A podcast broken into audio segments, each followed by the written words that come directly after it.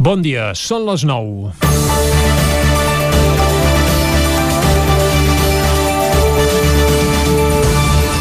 Pere Aragonès serà el nou president de la Generalitat de Catalunya. Gràcies a un pacte que es va començar a segellar ara fa una setmana a una masia de Prats de Lluçanès, Aragonès es convertirà avui mateix de forma ja oficial en el 132è president de la Generalitat. I si hem de valorar per on aniran els trets tenint en compte on va començar a gestar-se tot plegat, a una masia, estaria bé que la gestió d'Aragonès tingués una especial sensibilitat cap al territori. La despoblació del món rural i la necessitat de vestir un país on no tot es concentri a l'àrea metropolitana hauria de ser un dels eixos principals del seu mandat.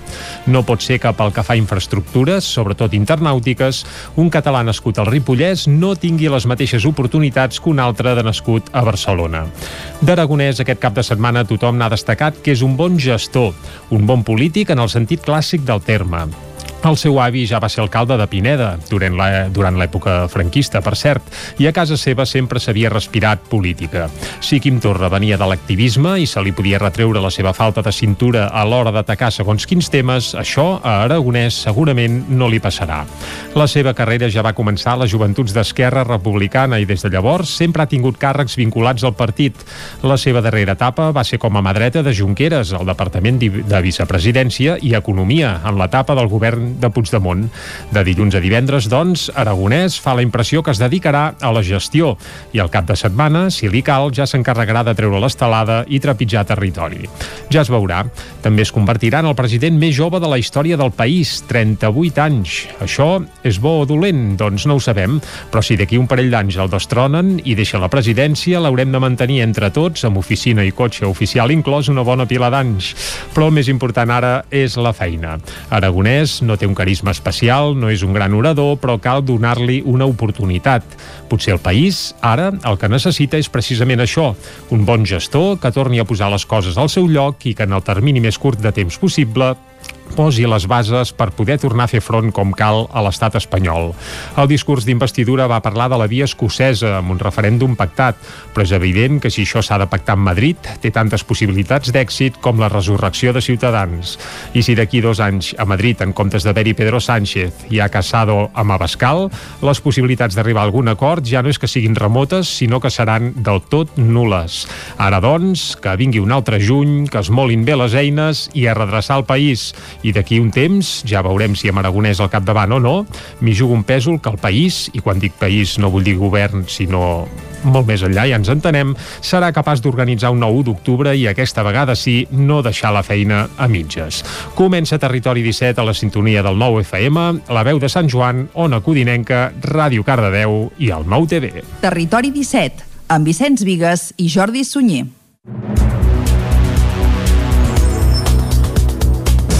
Són les 9 i 3 minuts del dilluns, dia 24 de maig de 2021. Comença ara mateix un nou Territori 17 que avui, com sempre, durant la primera hora us acostarà tota l'actualitat de les nostres comarques. Després, com que som dilluns, avui el programa tindrà un marcat caràcter esportiu. Per què? Doncs perquè repassarem com els ha anat el cap de setmana els principals equips del nostre territori, esportivament parlant, i acabarem fent tertúlia esportiva, avui amb un protagonista destacat, l'Atlètic de Madrid, que aquest cap de setmana s'ha proclamat proclamat campió de la Lliga Espanyola de Futbol. També, com cada dilluns, tindrem els solidaris amb Eloi Puigferrer, anirem al Descobrint Catalunya, avui per conèixer les bondats de Rupit i Pruit, passarem també per la R3 i moltes coses més. Tot això ho farem des d'ara mateix i fins a les 12 del migdia. I, com sempre, el que toca per arrencar és posar-nos al dia, tot fent un repàs a l'actualitat de casa nostra, l'actualitat de les comarques del Ripollès, Osona, el Moianès i el Vallès Oriental.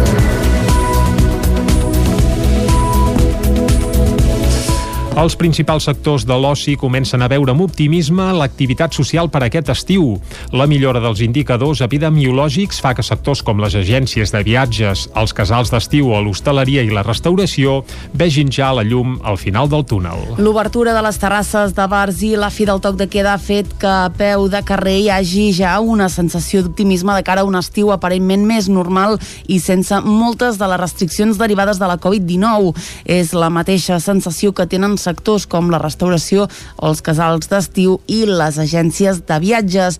En aquest darrer cas, si al llarg d'aquest any i mig ja han hagut d'enfrontar-se diàriament a cancel·lacions i reemborsaments, ara ja hi veuen noves reserves i ganes de viatjar amb seguretat, ho explica Xavier Alemany, gerent de viatges alemany de Vic. Jo crec que ara precisament és el moment nostre els clients treure'ls les pors i els dubtes que puguin tenir, quines són les condicions de viatjar per aquí a Espanya, per l'estranger.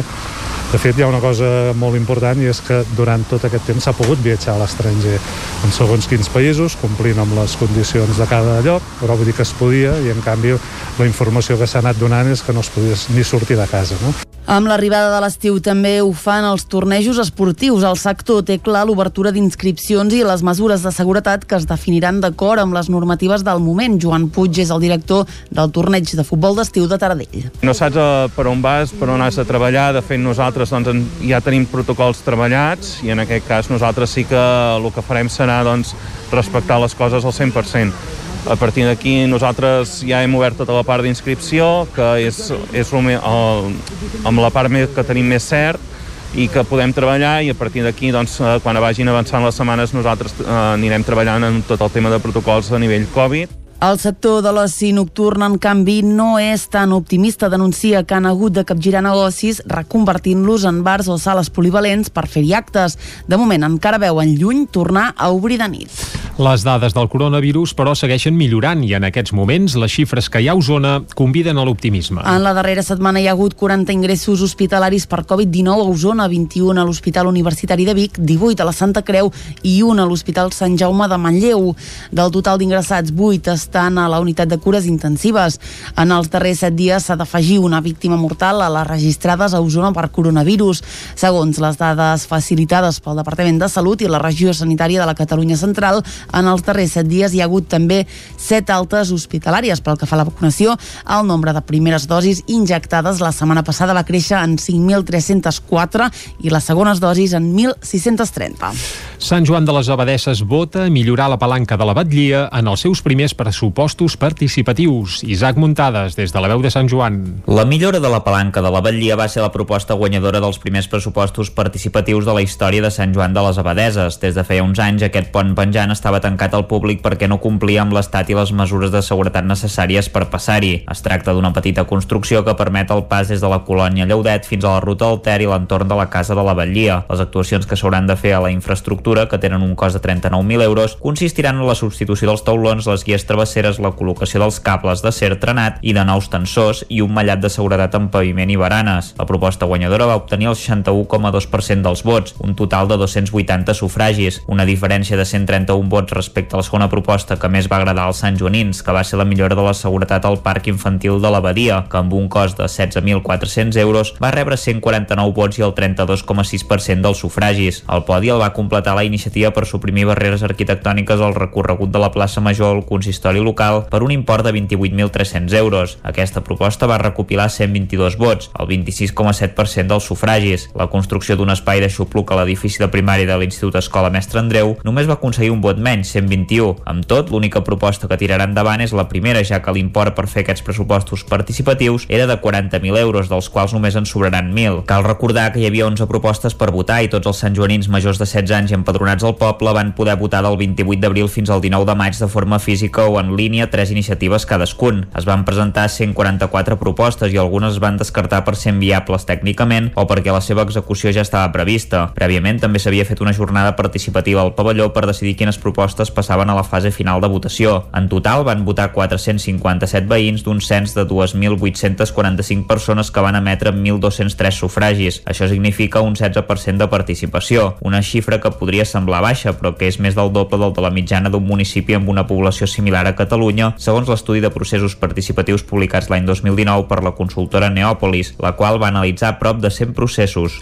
Actualment, la ponència d'energies renovables de la Generalitat té sobre la taula set projectes de parcs fotovoltaics a Osona. A aquests s'hi han de sumar els nou que la ponència ja va descartar. Des de l'Agència de l'Energia d'Osona aposten per parcs solars de fins a 10 hectàrees en zones de baix valor agrícola. Amb l'excepció d'un projecte que afectaria 6,6 hectàrees de Taradell i que generaria 4,76 megawatts per hora, la majoria dels projectes es consideren de grans dimensions, de més de 40 hectàrees i amb una potència superior als 40 megawatts. En molts casos es tracta de generar alta tensió per transportar fora de la comarca, amb l'afegit que s'ha de pensar també amb les línies d'evacuació. Criteris que van en contra del pla comarcal que preveu reduir un 42% les emissions de gasos d'efecte hivernacle l'any 2027. Gil Salvans és tècnic de l'Agència de l'Energia d'Osona.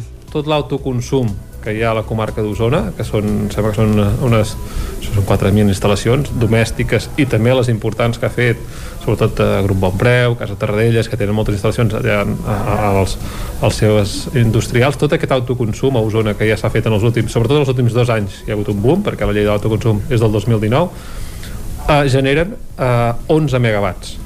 Per tant, amb un sol parc d'aquests, multipliquem per 4 les plaques d'autoconsum que hi ha actualment a Osona. Per tant, les dimensions són molt grans i tenim clar, o com a agència d'energia Consell Comarcal, tenim clar que segurament haurem d'ocupar part de sol no urbanitzable per posar energia, creiem que s'ha de fer de forma distribuïda i sobretot detectant aquelles zones on el sol agrícola no és d'alt valor el pas dels projectes per la ponència d'energies renovables de la Generalitat és un primer escull.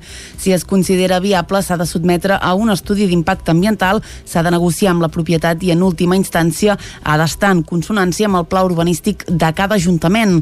Per tot plegat, des de l'Agència de l'Energia es treballa amb els ajuntaments per fer parcs d'autoconsum dimensionats a la realitat de la comarca. L'impacte, però, hi serà. Gil Salvans i per tant creiem que hi ha una manera diferent que una mica és la línia del projecte de transició energètica que tenim fet, que estem treballant des del Consell Comarcal que ha de portar a Osona a reduir un 42% les emissions de gasos d'efecte hivernacle per l'any 2027 però aquí el que dissenyem són parcs més petits, parcs que en cap cas superin les 10 hectàrees i repartits pel territori i a més a més bona part d'ells propietat de petites empreses, de pimes, d'empreses de la comarca i també de cooperatives ciutadanes eh, i per tant que tot sigui eh, més participatiu, democràtic i que realment el benefici que et pugui portar les energies renovables que n'aporten al territori també es quedin al territori i aquí porta impactes com no. Els municipis afectats actualment per projectes que encara esperen resposta de la ponència de la Generalitat són Manlleu, Taradell, Gur, Purís, Malla i Santa Eugènia després d'haver-se descartat el primer projecte que afectava Manlleu, l'Esquirol i Torelló i els posteriors de Tona, Gur, Prats, Fulgaroles, Olost, Orista i Rupit. Nova protesta perquè Salut mantingui el servei de pediatria al cap de Sant Antoni de Vilamajor, després que el Departament de Salut decidís traslladar-lo a Llinars del Vallès. David Auladell, de Ràdio Televisió, Cardedeu. Dijous passat es va programar una nova concentració de veïns i veïnes de Sant Antoni de Vilamajor i Sant Pere de Vilamajor per protestar contra la decisió del Departament de Salut de tancar les consultes de pediatria del CAP de Sant Antoni de Vilamajor i traslladar-les al CAP de Llinars del Vallès. Salut va prendre la decisió de manera unilateral i sense escoltar les raons que els van donar els alcaldes dels respectius municipis per mantenir aquest servei. Una cinquantena de veïns ja es van concentrar dijous de la setmana anterior amb la finalitat de recuperar el servei. El fet de traslladar-lo a Llinars del Vallès suposa pels usuaris un perjudici ja que n'hi ha molts que tenen dificultats per desplaçar-se fins a Llinars. A la protesta de la setmana passada van ser-hi presents Raül Valentín, alcalde de Sant Antoni de Vilamajor, i Pamela Issos, alcaldessa de Sant Pere de Vilamajor. També van participar-hi regidors i regidores dels dos ajuntaments.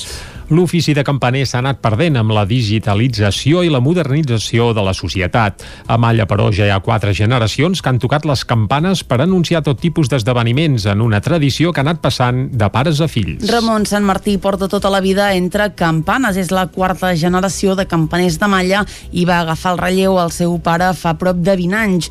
Unes campanes que en un territori tan disseminat com el de Malla serveixen encara per avisar els veïns d'esdeveniments que passen al territori. Abans, però, es tocaven per alertar de tot tipus de successos. Ho detalla Ramon Sant Martí. Les campanes servien per transmetre una comunicació a la comunitat i fer comunitat. I bàsicament era per temes de, de festa, d'alegria, eh, per tant, Nadal, la festa major, per Pasqua, casaments, batejos, era per compartir i comunicar aquesta alegria, també per les penes, quan hi havia un enterrament, un difunt, quan algú es moria, la gent se n'assabentava per les campanes, i també es tocava per, per alarma, per avisar la gent Jo recordo de petit, es va cremar un paller i el pare, vés, aneu a tocar, aneu a tocar l'acte, perquè la gent, allò, què passa, què passa, i van anar a ajudar a pagar, intentar pagar aquest foc d'un paller que cremava, o si venia un temporal, també es tocava les campanes per espantar el temporal. Ara es toquen de forma molt més puntual i en Ramon ja l'ajuden els seus dos fills, la Freia i en Marc, que estan cridats a ser la cinquena generació. El sentim a tots dos. El primer cop que les toques impacta perquè és una, un campana gran i, i sobretot quan puja cap amunt, potser la corda et puja cap amunt una mica. Normalment per Nadal o alguna festa l'ajudem, però això és això, són coses uh, espontànies, vull dir, dies... Això. Sí, no, no, sem no sempre ho fem. Vull dir, quan venim com que són tres cops l'any o alguna cosa així, ja venim, ja en tenim ganes de, de tocar-les i estar aquí dalt i també normalment si, si és per Pasco veus la gent de Malla, que sempre està bé. Ara la gran majoria de campanars toquen de forma automàtica, però a Malla continuen conservant una tradició centenària que alhora és tot un art. Esports. El rec amb Làser Caldes ha sumat un punt més a l'Hockey Lliga després d'empatar a un aquest cap de setmana a la pista del Vendrell. Caral Campàs, des d'Ona Codinenca. El Vendrell que rebia Caldes es va avançar molt a l'inici del partit, concretament al minut 3 amb un gol des del punt de penal. Un gol que es va donar per vàlid tot i les protestes de la banqueta calderina per una finta del jugador local. Més tard, la tònica del partit va estar controlada pels arlequinats, però amb problemes per superar la defensa dels tarragonins i així s'arribava al descans amb un 1 a 0 al marcador marcador. A la represa es va repetir el mateix guió. El Caldes controlava el partit, però el Vendrell, més defensiu, creava perill a la contra. El porter Camps del conjunt Vallèsà va tornar a tenir un partit estel·lar. La primera acció brillant va ser aturant la primera directa de la nit al minut 28. Poc després, el Vendrell va intentar fer el segon i novament Camps va aturar l'oportunitat dels locals. Al minut 45, el Caldes, amb la desena falta dels del Baix Penedès, va fer l'empat. Un minut després va tornar a brillar Camps a bola aturada aturant la directa per la quinzena falta d'alcaldes. Alcaldes ha sumat així un punt més que el separa del Reus amb qui estava empatat a punts a la tercera posició de la classificació. Doncs a l'hora de repassar com els ha anat el cap de setmana esportivament parlant els equips del nostre territori, acabarem de completar, per exemple, doncs els resultats de l'Hockey Lliga del cap de setmana. Ara el que toca és tancar el bloc informatiu que us hem ofert, com sempre, amb els nostres companys Clàudia Dinarès, David Auladell, Caral Campàs i Isaac Muntades. I un cop tancat el bloc informatiu, obrim el bloc meteorològic.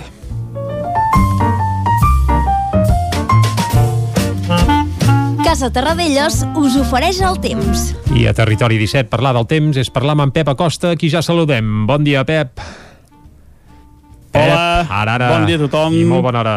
Molt bona segona Pasqua. Igualment. Avui és festiu a moltes zones. I tant. I és la segona Pasqua. Uh Mhm. -huh. I també eh, molt bona última, última setmana sencera del mes de maig. Correcte. Poca puja. Uh -huh. La pertorbació que ens podia afectar ha passat de llarg, ha passat de nosaltres, ha afectat especialment el País Valencià, també la comunitat de Múrcia, les Balears, però aquí Catalunya ens ha deixat eh, quatre míseres gotes. Engrunes. Pel que fa al temps, Mhm. avui Va, anem, anem-hi. anem per feina, Anem per anem feina, pel va. temps. També destacar, perdó, el cap de setmana, mm, que no ha fet molta calor, eh? Continuem amb les temperatures eh, bastant a ratlla, bastant... Uh, com diria, una mica per sota del, del que seria habitual, les màximes i les mínimes, bastant fresca a les nits, i ahir sí que va ser un dia com que va estar bastant més tapat, on les temperatures es van quedar molt, molt curtes en algunes zones, sobretot els altiplans del, del Moianès i també cap a, cap a Osona, va quedar temperatura molt, molt curta, uns 15 graus de màxima. Ara, a finals de maig, hauria de ser normal tenir valors de 25, 27, 28 graus, eh? Per tant, ahir sí que va quedar temperatura bastant curta, és el més destacable del cap de, de setmana. I comencem setmana amb unes temperatures mínimes bastant baixes, per sota dels 5 graus, a les zones del Pirineu, entre els 5 i els 10 a l'interior i ja per sobre dels 10 a les comarques del peritoral, eh? mínimes ja per sobre dels 10 graus en aquestes zones. Encara m'hi queden els prims, poca cosa, es aniran dissipant i de cara al migdia quedarà un ambient ben assolellat. Tot i això, a partir de primeres hores de la, de la tarda, eh, cap allà 2, 3, 4 de la tarda, ja hi haurà creixement de nuvolades. Avui hi haurà creixement de nuvolades més importants i poden caure precipitacions, sobretot a la zona del Pirineu. Seran precipitacions, la majoria febles, en algun punt moderades, que deixaran eh, entre 0 i 5 litres la majoria dels registres. Poder entre 5 i 10 a les zones on plogui més. Eh, típics ruixats, típiques tempestes petites de mes de maig, de primavera, de les tardes. Eh? No, no es preveuen grans, grans precipitacions perdó, ni de bon tros i tampoc no seran molt extenses, afectant la zona exclusiva del Pirineu, del Ripollès i poder al nord d'Osona a tot estirar. I les temperatures, al fer més sol, seran més altes que ahir. Seran ja mm, gairebé normalitzades per l'època de l'any. La majoria de màximes entre els 20 i els 24-25 graus a les zones on faci, on faci més calor, eh? Uh, màximes, sí, 25 graus on faci més calor, si bé la majoria serà entre això, eh? entre els 20 i els 23, 24, uh, tot estirar. Faig un petit avançament de la setmana, sabeu que teníem una setmana molt tranquil·la, amb temperatures normals per l'època, es aniran normalitzant, farà caloret al migdia, i a la que vagi passant la setmana, l'activitat tempestuosa augmentarà. Uh, cada dia tindrem més tempestes i al final de setmana, entre dissabte i diumenge, les tempestes ja poden ser bastant intenses i extenses. Veurem com l'evolució de tot plegat, però sembla que l'evolució serà aquesta, eh? Uh, temperatures normals per l'època i cada vegada activitat tempestuosa més important. Veurem què acaba passant i veurem si tenim una altra, una altra no victòria, eh? Veurem, veurem, veurem com tot. Uh, molt bon dia i molt bona segona Pasqua. Va, Adéu. vinga, gràcies Pep, anirem seguint la teva previsió i aviam si durant la setmana es va complicant el panorama. Bé, uh, evidentment ho seguirem com sempre aquí a Territori 17 i ara el que farem és anar cap al quiosc per comprovar què diuen les portades de la premsa d'avui. Anem-hi, va. Casa Tarradellas us ha ofert aquest espai.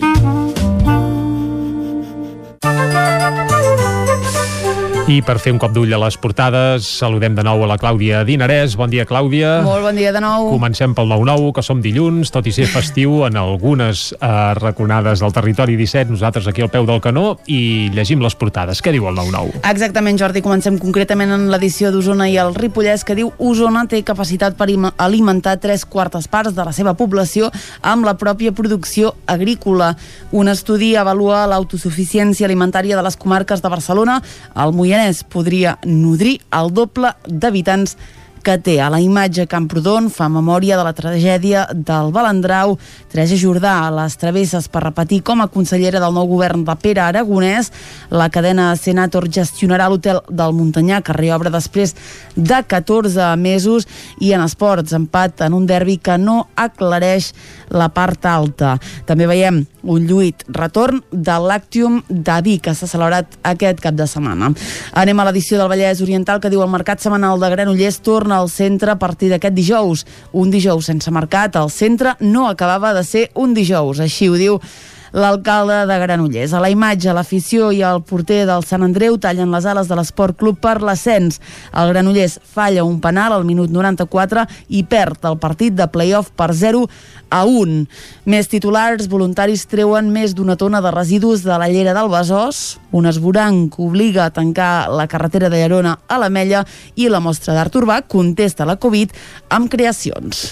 Molt bé, anem ara a les portades d'àmbit nacional. Què diuen els Exactament. diaris? A Anem al punt avui que entrevista el Sartadi, diputada i cap de juntes de l'Ajuntament de Barcelona, que diu el pacte de govern està beneït per tota la direcció de Junts. A la imatge tragèdia en un telefèric al nord d'Itàlia, una imatge i un titular que anirem veient en diferents portades i avui el punt avui fa un especial a l'equador del mandat local. Diu el món local i la postpandèmia els ajuntaments reclamen més poder i finançament per poder gestionar mesures i ajuts. També diu més de 50 canvis d'alcaldia. La majoria de les substitucions són per renúncies, dimissions i també per intercanvis ja pactats. Anem al diari Ara, que parla de la nova legislatura. Aragonès pren possessió amb els reptes del diàleg i la pandèmia. El nou president farà referències a la Generalitat Republicana en un acte amb Biceta i Conillera. Els acords amb Junts i la CUP obliguen a posar en marxa un pla de rescat social i econòmic. A la imatge, un volcà amenaça el Congo. La lava arriba a la ciutat de Goma i provoca una nit de pànic i de destrucció. Més titulars del diari Ara, la crisi del Covid normalitza la vigilància d'alta tecnologia i alerta perquè Valls deixa l'Ajuntament i se'n torna a França. Diu ara sé que sóc sobretot francès. No l'enyorarem pas gaire, em sembla, eh? Uh, anem, Anem a- anem a les premses de Madrid. Què No, no, no, encara ah, no, perdó, encara no. Perdó, encara no, encara, Encara no. Anem al periòdico que diu Aragonès afronta el repte de sortir de la paràlisi. El nou president assumeix avui el càrrec decidit a recuperar el prestigi de la institució. Victòria Alzina anirà a Acció Exterior i Josep González Cambrai podria portar educació. I a la imatge hi veiem el telefèric de la tragèdia. 14 persones perden la vida i un menor d'edat resulta ferit greu al desplomar-se la cabina en què viatjaven sobre els Alps. Acabem ara sí a l'avantguàrdia que diu el nou govern es dota de perfils tècnics per combatre la crisi. A la imatge tornem a veure aquesta tragèdia al Piemont italià i la detecció de diverses malalties greus va caure un 40% per la Covid. Anem ara sí a Madrid, Jordi. Comencem, Ara, ara, com sempre, amb el país que diu el Congrés estreta el control sobre els grups de pressió. Bielorússia desvia un vol per detenir un periodista i el govern s'inclina per donar els indults del procés. El Mundo Rabat va mobilitzar els seus lobbies als Estats Units sense resposta d'Espanya. A la imatge, primera lliga, el Wanda amb l'estadi 8 i Uh, en una entrevista a Íñigo Errejón, que és el fundador i portaveu de Més País, diu hem de transcendir l'esquerra per poder canviar al país. Ràpidament anem a la Razón, que obre amb un titular uh, d'Albert Núñez, Alberto Núñez Feijó, president de la Junta de Galícia, que diu si governem es necessitarà uh, la banqueta d'Aznar i de Rajoy i Espanya està en, la, en el punt final de la pandèmia segons una universitat dels Estats Units. Ràpid, ràpid, acabem amb l'ABC que diu defe defensa ultima quatre superdrons per vigilar l'estret. El Predator B és capaç de volar durant 27 hores a 15 quilòmetres d'altura i sense ser detectat. I diu, a banda de plagi, la tesis de Pedro Sánchez acumula més de 120 errors acadèmics. Per tant, s'ho va copiar malament, segons l'ABC. Moltes gràcies, Clàudia. Fins ara. Doncs tanquem aquí el repàs que hem fet a la premsa del dia, però seguim a Territori 17. El que toca ara per això és fer una breu pausa. A dos quarts en punt serem aquí de nou per acostar-vos altra vegada tota l'actualitat de casa nostra, l'actualitat de les comarques del Ripollès, Osona, el Moianès i el Vallès Oriental. Fins ara. El nou FM, la ràdio de casa, al 92.8. El Sabater. Reparació de calçat al moment i còpies de claus de seguretat i de cotxe. Esmolem tisores i ganivets, cosim pell i cremalleres, arreglem articles d'alpinisme i canviem soles de botes i sabates de muntanya i running. El Sabater. Som a la plaça Cris Rei número 1, al costat de l'església de Dalt Vila, de Manlleu. Telèfon 677 45 46 01. Cobertes serveis funeraris. Els nostres tanatoris estan ubicats en els nuclis urbans més poblats de la comarca d'Osona per oferir un millor servei. Tanatori de Vic, Tanatori de Manlleu, Tanatori de Centelles i Tanatori de Roda de Ter. Sabem que són moments difícils i per això el nostre compromís és atendre-us en tot moment amb un tracte humà, sensible i respectuós. Cobertes serveis funeraris. Telèfon 24 hores 93 883 23 46. Pintures Xevi Soler. Tot en pintures. Façanes, obra nova, rehabilitacions interiors de vivenda, estucs, microciments, pintura industrial, motllures, terres vinílics... Pintures Xevi Soler. Ens agrada assessorar-vos i fer de casa vostra el millor lloc del món. Ens trobareu a Manlleu, al carrer Sogorb 113, telèfon 616 15 87 33 o 93 851 3504. La ràdio de casa al 92.8. El 9 FM. Fa més d'un any que hem de fer gestos difícils per aturar la pandèmia. Ara per fi ha arribat el moment de fer el gest que estàvem esperant, vacunar-nos contra la Covid-19. Avancem amb la vacunació esglaonada per franges d'edat. Dona't d'alta a la meva salut i actualitza el número de telèfon mòbil per assegurar-te que t'avisem quan arribi el teu torn. Recorda, lamevasalut.gencat.cat Salut, cuidem el que som. Catalunya 2030, Generalitat de Catalunya. Per al Dia de la Mare, vine a la Cakery a buscar un dolç ram. Galetes decorades i cupcakes especials. Pastissos personalitzats, galetes, cookies, brownies i molt més. Ens trobaràs a Vic, al carrer de Gurb 34 Baixos, al telèfon 93 886 70 51 i també a Instagram i Facebook. Mudances a la carta. Som especialistes en muntatge i desmuntatge de mobles. Oferim servei de guardamobles i fem mudances a tot el territori. Trasllats de pianos i peces delicades i també fem embalatge i protegim. Mudances a la carta. Serveis adaptats a cada client. Ens trobaràs al telèfon 605 04 34 75. El nou FM, el nou FM, el nou FM, el nou FM, el nou FM. Territori 17, amb Vicenç Vigues i Jordi Sunyer. Dos quarts de deu en punt del matí, seguim en directe aquí a Territori 17 en aquest dilluns, dia 24 de maig de 2021. De seguida us acostarem de nou tota l'actualitat de les nostres comarques i després, a partir de les 10, més informació, l'entrevista. Avui conversarem amb el degà del Col·legi d'Advocats de Vic, Rogeli Montoliu, que ens explicarà com és que els advocats de Vic han penjat el llaç groc a la seva seu i també a la seva pàgina web. Ho van decidir en una assemblea que es va fer la setmana passada precisament al recinte firal del Sucre de Vic.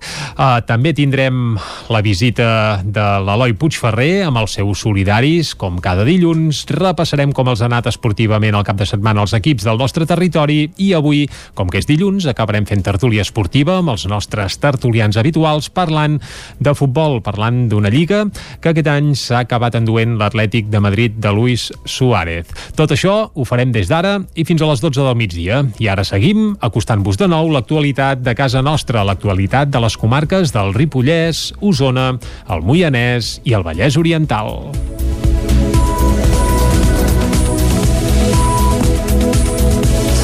Els principals sectors de l'oci comencen a veure amb optimisme l'activitat social per aquest estiu. La millora dels indicadors epidemiològics fa que sectors com les agències de viatges, els casals d'estiu o l'hostaleria i la restauració vegin ja la llum al final del túnel. L'obertura de les terrasses de bars i la fi del toc de queda ha fet que a peu de carrer hi hagi ja una sensació d'optimisme de cara a un estiu aparentment més normal i sense moltes de les restriccions derivades de la Covid-19. És la mateixa sensació que tenen sectors com la restauració els casals d'estiu i les agències de viatges. En aquest darrer cas, si al llarg d'aquest any i mig ja han hagut d'enfrontar-se diàriament a cancel·lacions i reemborsaments, ara ja hi veuen noves reserves i ganes de viatjar amb seguretat. Ho explica Xavier Alemany, gerent de viatges Alemany de Vic. Jo crec que ara precisament és el moment nostre els clients treure'ls les pors i els dubtes que puguin tenir, quines són les condicions de viatjar per aquí a Espanya, per l'estranger. De fet, hi ha una cosa molt important i és que durant tot aquest temps s'ha pogut viatjar a l'estranger en segons quins països, complint amb les condicions de cada lloc, però vull dir que es podia i en canvi la informació que s'ha anat donant és que no es podia ni sortir de casa. No? Amb l'arribada de l'estiu també ho fan els tornejos esportius. El sector té clar l'obertura d'inscripcions i les mesures de seguretat que es definiran d'acord amb les normatives del moment. Joan Puig és el director del torneig de futbol d'estiu de Taradell. No saps uh, per on vas, per on has de treballar. De fet, nosaltres doncs, ja tenim protocols treballats i en aquest cas nosaltres sí que el que farem serà doncs, respectar les coses al 100%. A partir d'aquí nosaltres ja hem obert tota la part d'inscripció, que és, és el, el, amb la part més, que tenim més cert, i que podem treballar i a partir d'aquí doncs, eh, quan vagin avançant les setmanes nosaltres eh, anirem treballant en tot el tema de protocols a nivell Covid el sector de l'oci nocturn, en canvi, no és tan optimista. Denuncia que han hagut de capgirar negocis reconvertint-los en bars o sales polivalents per fer-hi actes. De moment, encara veuen lluny tornar a obrir de nit. Les dades del coronavirus, però, segueixen millorant i en aquests moments les xifres que hi ha a Osona conviden a l'optimisme. En la darrera setmana hi ha hagut 40 ingressos hospitalaris per Covid-19 a Osona, 21 a l'Hospital Universitari de Vic, 18 a la Santa Creu i 1 a l'Hospital Sant Jaume de Manlleu. Del total d'ingressats, 8 estan a la unitat de cures intensives. En els darrers 7 dies s'ha d'afegir una víctima mortal a les registrades a Osona per coronavirus. Segons les dades facilitades pel Departament de Salut i la regió sanitària de la Catalunya Central, En els darrers set dies hi ha hagut també set altes hospitalàries. Pel que fa a la vacunació, el nombre de primeres dosis injectades la setmana passada va créixer en 5.304 i les segones dosis en 1.630.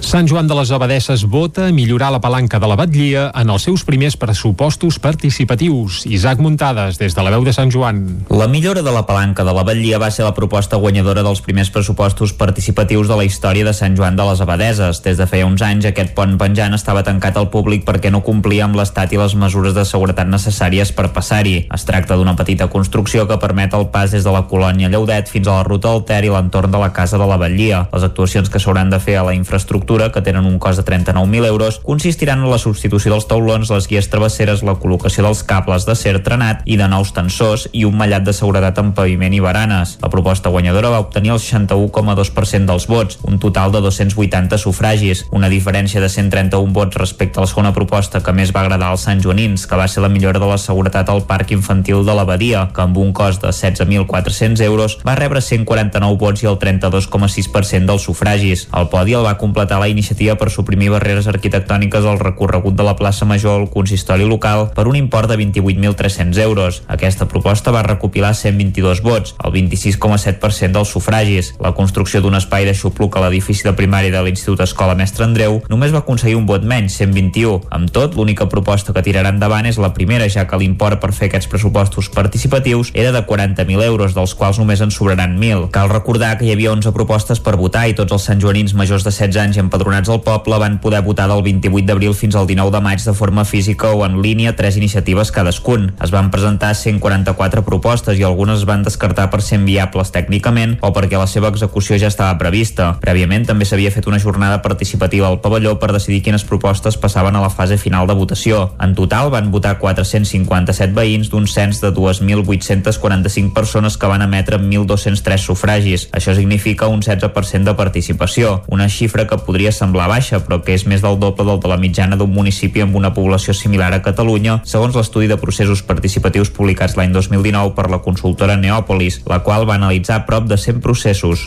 Actualment, la ponència d'energies renovables de la Generalitat té sobre la taula set projectes de parcs fotovoltaics a Osona. A aquests s'hi han de sumar els nou que la ponència ja va descartar. Des de l'Agència de l'Energia d'Osona aposten per parcs solars de fins a 10 hectàrees en zones de baix valor agrícola. Amb l'excepció d'un projecte que afectaria 6,6 hectàrees de Taradell i que generaria 4,76 megawatts per hora, la majoria dels projectes es consideren de grans dimensions, de més de 40 hectàrees i amb una potència superior als 40 megawatts. En molts casos es tracta de generar alta tensió per transportar fora de la comarca, amb l'afegit que s'ha de pensar també amb les línies d'evacuació, criteris que van en contra del pla comarcal que preveu reduir un 42% les emissions de gasos d'efecte hivernacle l'any 2027. Gil Salvans és tècnic de l'Agència de l'Energia d'Osona. Tot l'autoconsum que hi ha a la comarca d'Osona, que són, sembla que són unes són 4.000 instal·lacions domèstiques i també les importants que ha fet, sobretot a Grup Bon Preu, Casa Tarradellas, que tenen moltes instal·lacions allà als, als seus industrials, tot aquest autoconsum a Osona que ja s'ha fet en els últims, sobretot els últims dos anys, hi ha hagut un boom, perquè la llei de l'autoconsum és del 2019, eh, generen eh, 11 megawatts per tant, amb un sol parc d'aquests multipliquem per 4 les plaques d'autoconsum que hi ha actualment a Osona. Per tant, les dimensions són molt grans i tenim clar, o com a agència d'energia Consell Comarcal, tenim clar que segurament haurem d'ocupar part de sol no urbanitzable per posar energia, creiem que s'ha de fer de forma distribuïda i sobretot detectant aquelles zones on el sol agrícola no és d'alt valor el pas dels projectes per la ponència d'energies renovables de la Generalitat és un primer escull. Si es considera viable, s'ha de sotmetre a un estudi d'impacte ambiental, s'ha de negociar amb la propietat i, en última instància, ha d'estar en consonància amb el pla urbanístic de cada ajuntament. Per tot plegat, des de l'Agència de l'Energia es treballa amb els ajuntaments per fer parcs d'autoconsum dimensionats a la realitat de la comarca. L'impacte, però, hi serà. Gil Salvans. I, per tant, creiem que hi ha una manera diferent, que una mica és la línia del projecte de transició energètica que tenim fet fet que estem treballant des del Consell Comarcal que ha de portar a Osona a reduir un 42% les emissions de gasos d'efecte hivernacle per l'any 2027 però aquí el que dissenyem són parcs més petits, parcs que en cap cas superin les 10 hectàrees i repartits pel territori i a més a més bona part d'ells propietat de petites empreses, de pimes, d'empreses de la comarca i també de cooperatives ciutadanes eh, i per tant que tot sigui eh, més participatiu, democràtic i que realment el benefici que et pugui portar les energies renovables que n'aporten al territori també es quedin al territori i aquí porta impactes com no. Els municipis afectats actualment per projectes que encara esperen resposta de la ponència de la Generalitat són Manlleu, Taradell, Gur, Purís, Malla i Santa Eugènia després d'haver-se descartat el primer projecte que afectava Manlleu, l'Esquirol i Torelló i els posteriors de Tona, Gur, Prats, Fulgaroles, Olost, Orista i Rupit. Nova protesta perquè Salut mantingui el servei de pediatria al cap de Sant Antoni de Vilamajor, després que el Departament de Salut decidís traslladar-lo a Llinars del Vallès. David Auladell, de Ràdio Televisió, Cardedeu. Dijous passat es va programar una nova concentració de veïns i veïnes de Sant Antoni de Vilamajor i Sant Pere de Vilamajor per protestar contra la decisió del Departament de Salut de tancar les consultes de pediatria del CAP de Sant Antoni de Vilamajor i traslladar-les al CAP de Llinars del Vallès. Salut va prendre la decisió de manera unilateral i sense escoltar les raons que els van donar els alcaldes dels respectius municipis per mantenir aquest servei. Una cinquantena de veïns ja es van concentrar dijous de la setmana anterior amb la finalitat de recuperar el servei. El fet de traslladar-lo a Llinars del Vallès suposa pels usuaris un perjudici ja que n'hi ha molts que tenen dificultats per desplaçar-se fins a Llinars. A la protesta de la setmana passada van ser-hi presents Raül Valentín, alcalde de Sant Antoni de Vilamajor, i Pamela Issos, alcaldessa de Sant Pere de Vilamajor. També van participar-hi regidors i regidores dels dos ajuntaments. L'ofici de campaner s'ha anat perdent amb la digitalització i la modernització de la societat. A Malla, però, ja hi ha quatre generacions que han tocat les campanes per anunciar tot tipus d'esdeveniments en una tradició que ha anat passant de pares a fills. Ramon Sant Martí porta tota la vida entre campanes. És la quarta generació de campaners de Malla i va agafar el relleu al seu pare fa prop de 20 anys. Unes campanes que en un territori tan disseminat com el de Malla serveixen encara per avisar els veïns d'esdeveniments que passen al territori.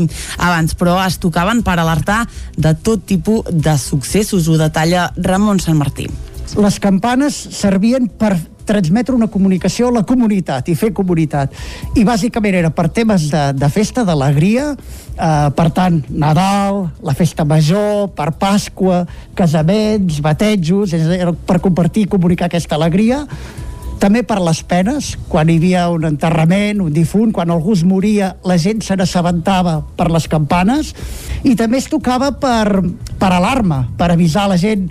Jo recordo de petit, es va cremar un paller i el pare, vés, aneu a tocar, aneu a tocar l'acte, perquè la gent, allò, què passa, què passa, i van anar a ajudar a pagar, intentar pagar aquest foc d'un paller que cremava, o si venia un temporal, també es tocava les campanes per espantar el temporal. Ara es toquen de forma molt més puntual i en Ramon ja l'ajuden els seus dos fills, la Freia i en Marc, que estan cridats a ser la cinquena generació. El sentim a tots dos. El primer cop que les toques impacta perquè és una, un campana gran i, i sobretot quan puja cap amunt, potser la corda et puja cap amunt una mica. Normalment per Nadal o alguna festa l'ajudem, però això és això, són coses uh, espontànies, vull dir, dies... Això. Sí, no, no, sem no sempre ho fem. Vull dir, quan venim com que són tres cops l'any o alguna cosa així, ja venim, ja en tenim ganes de, de tocar-les i estar aquí dalt i també normalment si, si és per Pasco veus la gent de Malla, que sempre està bé. Ara la gran majoria de campanes toquen de forma automàtica, però a Malla continuen conservant una tradició centenària que alhora és tot un art. Esports. El rec amb Làser Caldes ha sumat un punt més a l'Hockey Lliga després d'empatar a un aquest cap de setmana a la pista del Vendrell. Caral Campàs, des d'Ona Codinenca. El Vendrell Carrabí Alcaldes es va avançar molt a l'inici del partit, concretament al minut 3 amb un gol des del punt de penal. Un gol que es va donar per vàlid tot i les protestes de la banqueta calderina per una finta del jugador local. Més tard, la tònica del partit va estar controlada pels arlequinats, però amb problemes per superar la defensa dels tarragonins i així s'arribava al descans amb un 1 a 0 al marcador marcador. A la represa es va repetir el mateix guió. El Caldes controlava el partit, però el Vendrell, més defensiu, creava perill a la contra. El porter Camps del conjunt Vallèsà va tornar a tenir un partit estel·lar. La primera acció brillant va ser aturant la primera directa de la nit al minut 28. Poc després, el Vendrell va intentar fer el segon i novament Camps va aturar l'oportunitat dels locals. Al minut 45, el Caldes, amb la desena falta dels del Baix Penedès, va fer l'empat. Un minut després va tornar a brillar Camps a bola aturada aturant la directa per la quinzena falta d'alcaldes. Alcaldes ha sumat així un punt més que el separa del Reus amb qui estava empatat a punts a la tercera posició de la classificació.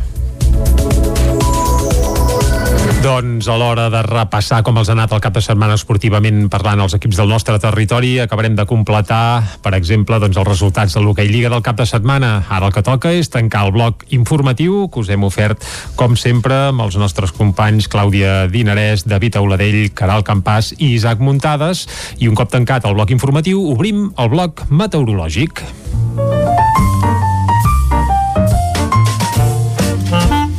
Casa Terradellos us ofereix el temps. I a Territori 17 parlar del temps és parlar amb en Pep Acosta, qui ja saludem. Bon dia, Pep. Hola, ara, ara. bon dia a tothom. I molt bona hora. Molt bona segona Pasqua. Igualment, Avui és festiu a moltes zones. I tant. Mhm. I és la segona Pasqua. Uh -huh. I també eh, molt bona última, última setmana sencera del mes de maig. Correcte. Poca puja. Uh Mhm. -huh. La pertorbació que ens podia afectar ha passat de llarg, ha passat de nosaltres, ha afectat especialment el País Valencià, també la comunitat de Múrcia, les Balears, aquí a Catalunya ens ha deixat eh, quatre míseres gotes. Engrunes. Pel que fa al temps, Mhm. avui Va, anem, anem per feina, Anem per feina, pel va. temps. També destacar, perdó, el cap de setmana, mm, que no ha fet molta calor, eh? Continuem amb les temperatures eh, bastant a ratlla, bastant...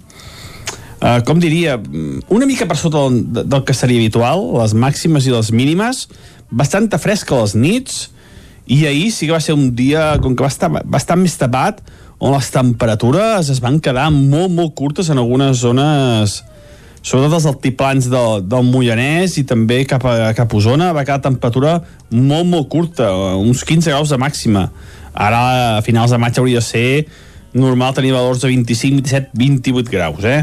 Per tant, ahir sí que va quedar temperatura bastant curta, és el més destacable del cap de, de setmana. I comencem setmana amb unes temperatures mínimes bastant baixes, per sota dels 5 graus a les zones més del Pirineu, entre els 5 i els 10 a l'interior i ja per sobre dels 10 a les comarques del peritoral, eh? mínimes ja per sobre dels 10 graus en aquestes zones. Encara m'hi queden els prims, poca cosa, es aniran dissipant i de cara al migdia quedarà un ambient ben assolellat. Tot i això, a partir de primers hores de la, de la tarda, eh, cap allà 2, 3, 4 de la tarda, ja hi haurà creixement de nuvolades. Avui hi haurà creixement de nuvolades més importants i poden caure precipitacions, sobretot a la zona del Pirineu. Seran precipitacions, la majoria febles, en algun punt moderades, que deixaran eh, entre 0 i 5 litres la majoria dels registres. Poder entre 5 i 10 a les zones on plogui més. Eh, típics ruixats, típiques tempestes petites de mes de maig, de primavera, de les tardes, eh? No, no es preveuen grans, grans precipitacions, perdó, ni de bon tros, i tampoc no seran molt extenses, afectant la zona exclusiva del Pirineu, del Ripollès i poder al nord d'Osona a tot estirar. I les temperatures, al fer més sol, seran més altes que ahir. Seran ja mm, gairebé normalitzades per l'època de l'any. La majoria de màximes entre els 20 i els 24-25 graus a les zones on faci, on faci més calor, eh? Uh, màximes, sí, 25 graus on faci més calor, si bé la majoria serà entre això, eh? entre els 20 i els 23, 24, uh, tot estirar. Faig un petit avançament de la setmana. Sabeu que teníem una setmana molt tranquil·la, amb temperatures normals per l'època, es aniran normalitzant, farà caloret al migdia, i a la que vagi passant la setmana, l'activitat tempestuosa augmentarà. Uh, cada dia tindrem més tempestes i al final de setmana, entre dissabte i diumenge, les tempestes ja poden ser bastant intenses i extenses. Veurem com evolució tot plegat, però sembla que l'evolució serà aquesta, eh? Uh, temperatures normals per l'època i cada vegada activitat tempestuosa més important. Veurem què acaba passant i veurem si tenim una altra, una altra no victòria, eh? Veurem, veurem, veurem com tot. Ah, molt bon dia i molt bona setmana Pasqua. Va, Adéu. vinga, gràcies Pep, anirem seguint la teva previsió i aviam si durant la setmana es va complicant el panorama. Bé, uh, evidentment ho seguirem com sempre aquí a Territori 17 i ara el que farem és anar cap al quiosc per comprovar què diuen les portades de la premsa d'avui. Anem-hi, va. Casa Tarradellas us ha ofert aquest espai.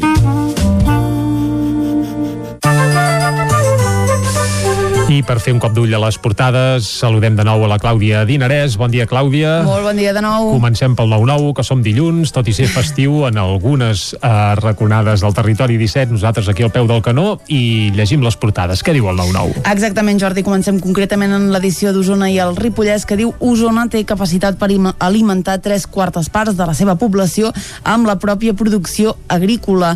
Un estudi avalua l'autosuficiència alimentària de les comarques de Barcelona, el Moianès Moianès podria nodrir el doble d'habitants que té a la imatge Camprodon fa memòria de la tragèdia del Balandrau Teresa Jordà a les travesses per repetir com a consellera del nou govern de Pere Aragonès la cadena Senator gestionarà l'hotel del Muntanyà que reobre després de 14 mesos i en esports empat en un derbi que no aclareix la part alta també veiem un lluit retorn del Lactium de Vic, que s'ha celebrat aquest cap de setmana.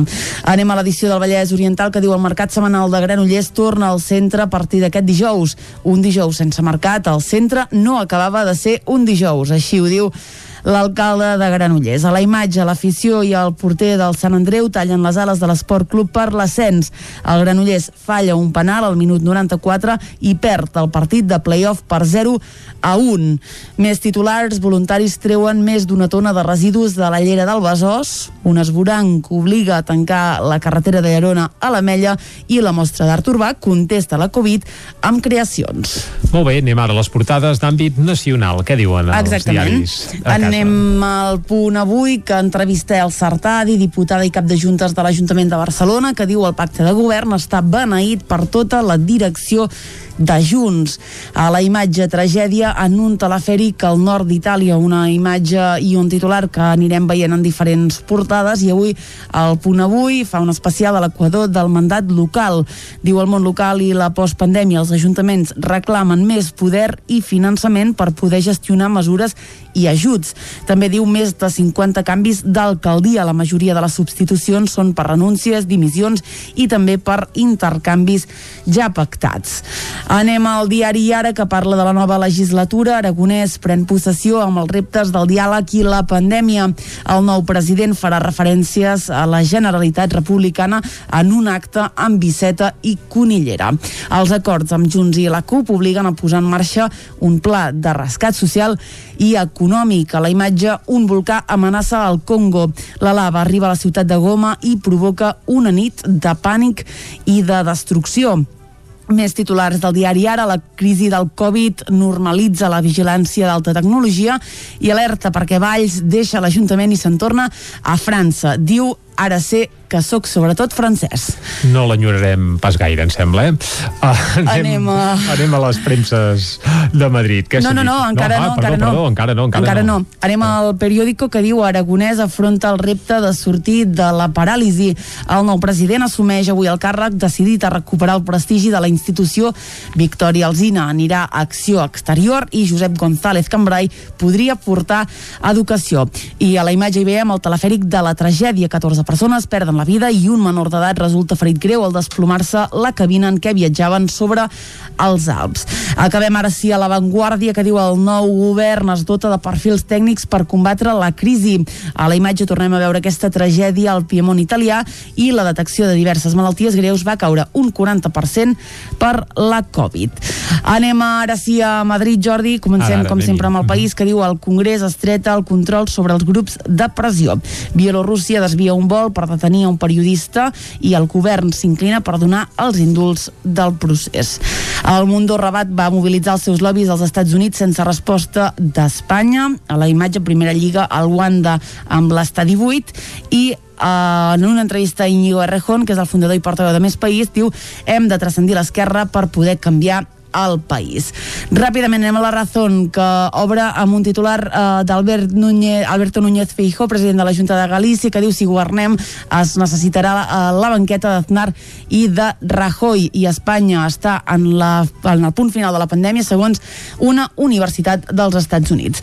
Ràpid, ràpid, acabem amb l'ABC que diu defe, defensa ultima quatre superdrons per vigilar l'estret. El Predator B és capaç de volar durant 27 hores a 15 quilòmetres d'altura i sense ser detectat. I diu, a banda de plagi, la tesis de Pedro Sánchez acumula més de 120 errors acadèmics. Per tant, s'ho va copiar malament, segons l'ABC. Moltes gràcies, Clàudia. Fins ara. Doncs tanquem aquí el repàs que hem fet a la premsa del dia, però seguim Seguim, seguim, i tant, que seguim, uh, després de repassar, i ens, ens quedava un apunt, eh, que volíem comentar amb la Clàudia, sobretot per això teníem aquesta mica de confusió amb portades d'àmbit nacional i estatal, és evident que de vegades les mirades, fins i tot de la premsa nacional, tenen una visió més estatal que, que res més, però bé, això cadascú que, que es compri cap al seu molí, però avançar que, doncs, que des de demà mateix Pilar Rola deixarà de ser articulista de La Vanguardia, més que res perquè l'han fet fora. Uh, ella diu que pels seus posicionaments i independentistes i cadascú que interpreti el que vulgui, però això, aquest acomiadament de Pilar Rola de La Vanguardia, on escrivia des de, bé, des de la mort de Baltasar Porcel, a qui li havia agafat el relleu, i Rola s'hi mantenia com un dels pocs articulistes netament independentistes que quedaven a la capçalera del comte de, de Godó. Bé, fet aquest apunt, eh, ara el que toca és obrir la pàgina musical. Ja sabeu que cada dia fins a arribar al punt de les 10 aquí a Territori 17 us acostem alguna novetat, alguna proposta musical per destensionar una mica l'ambient després de tanta informació i avui eh, us acostarem de nou una peça de Verge Santa. Ja n'hem estrenat algunes aquí a Territori 17 i avui n'estrenarem una altra. Qui és Verge Santa? Verge Santa és un projecte encapçalat pel Santi Carcassona, un músic pescallunes de Torelló, que bé, conegudíssim per encapçalar el projecte de Peix, Peix ho escrivia P, E, amb dieres i la E, S, H, aquest projecte el va enterrar a finals de l'any passat, i fa unes setmanes va debutar amb un nou projecte titulat això, Verge Santa, la peculiaritat d'aquest nou projecte és que les primeres cançons que ha donat a conèixer són cançons monovocàliques. Què vol dir monovocàliques? Doncs els que ens seguiu cada dia poder ja esteu al cas, perquè fa una quinzena de dies vam estrenar la cançó A. Era una cançó amb tot el que hi havia, amb totes les lletres, només amb la lletra A. Ara la dificultat ha augmentat una mica perquè la cançó que estrenarem avui es titula U. Això vol dir que tot el que apareix a la cançó, tota la lletra, està fet amb això, amb frases, amb paraules amb la lletra U. No hi ha ni as, ni es, ni is, ni os, només us.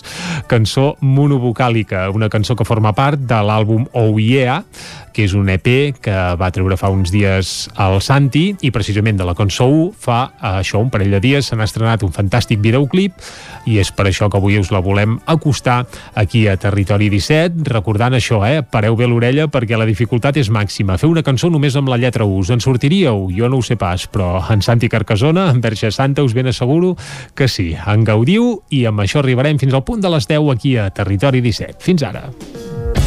Uns bruns un grup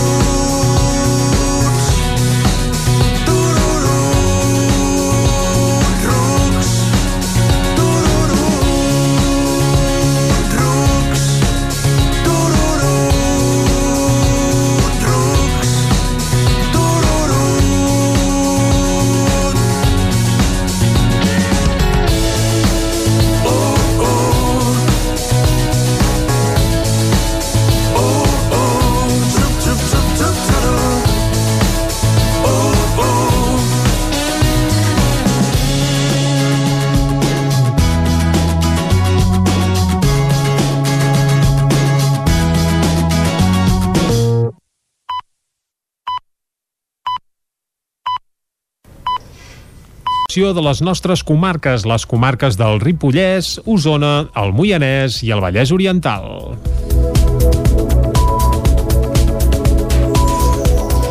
Esquerra Republicana i la CUP han arribat a un acord a Torelló que d'entrada garantirà tirar endavant un centre cultural a l'edifici del club i l'Espai Dones, dos projectes que formaven part del programa electoral dels copaires. Esquerra Republicana continuarà la resta del mandat governant en minoria, però s'assegura així un soci que li garanteixi tenir el suport per tirar endavant altres projectes durant el mandat. Les converses per tancar el pacte van començar ja al mes de febrer. Cesc Manrique és el portaveu de la CUP, Som Poble de Torelló.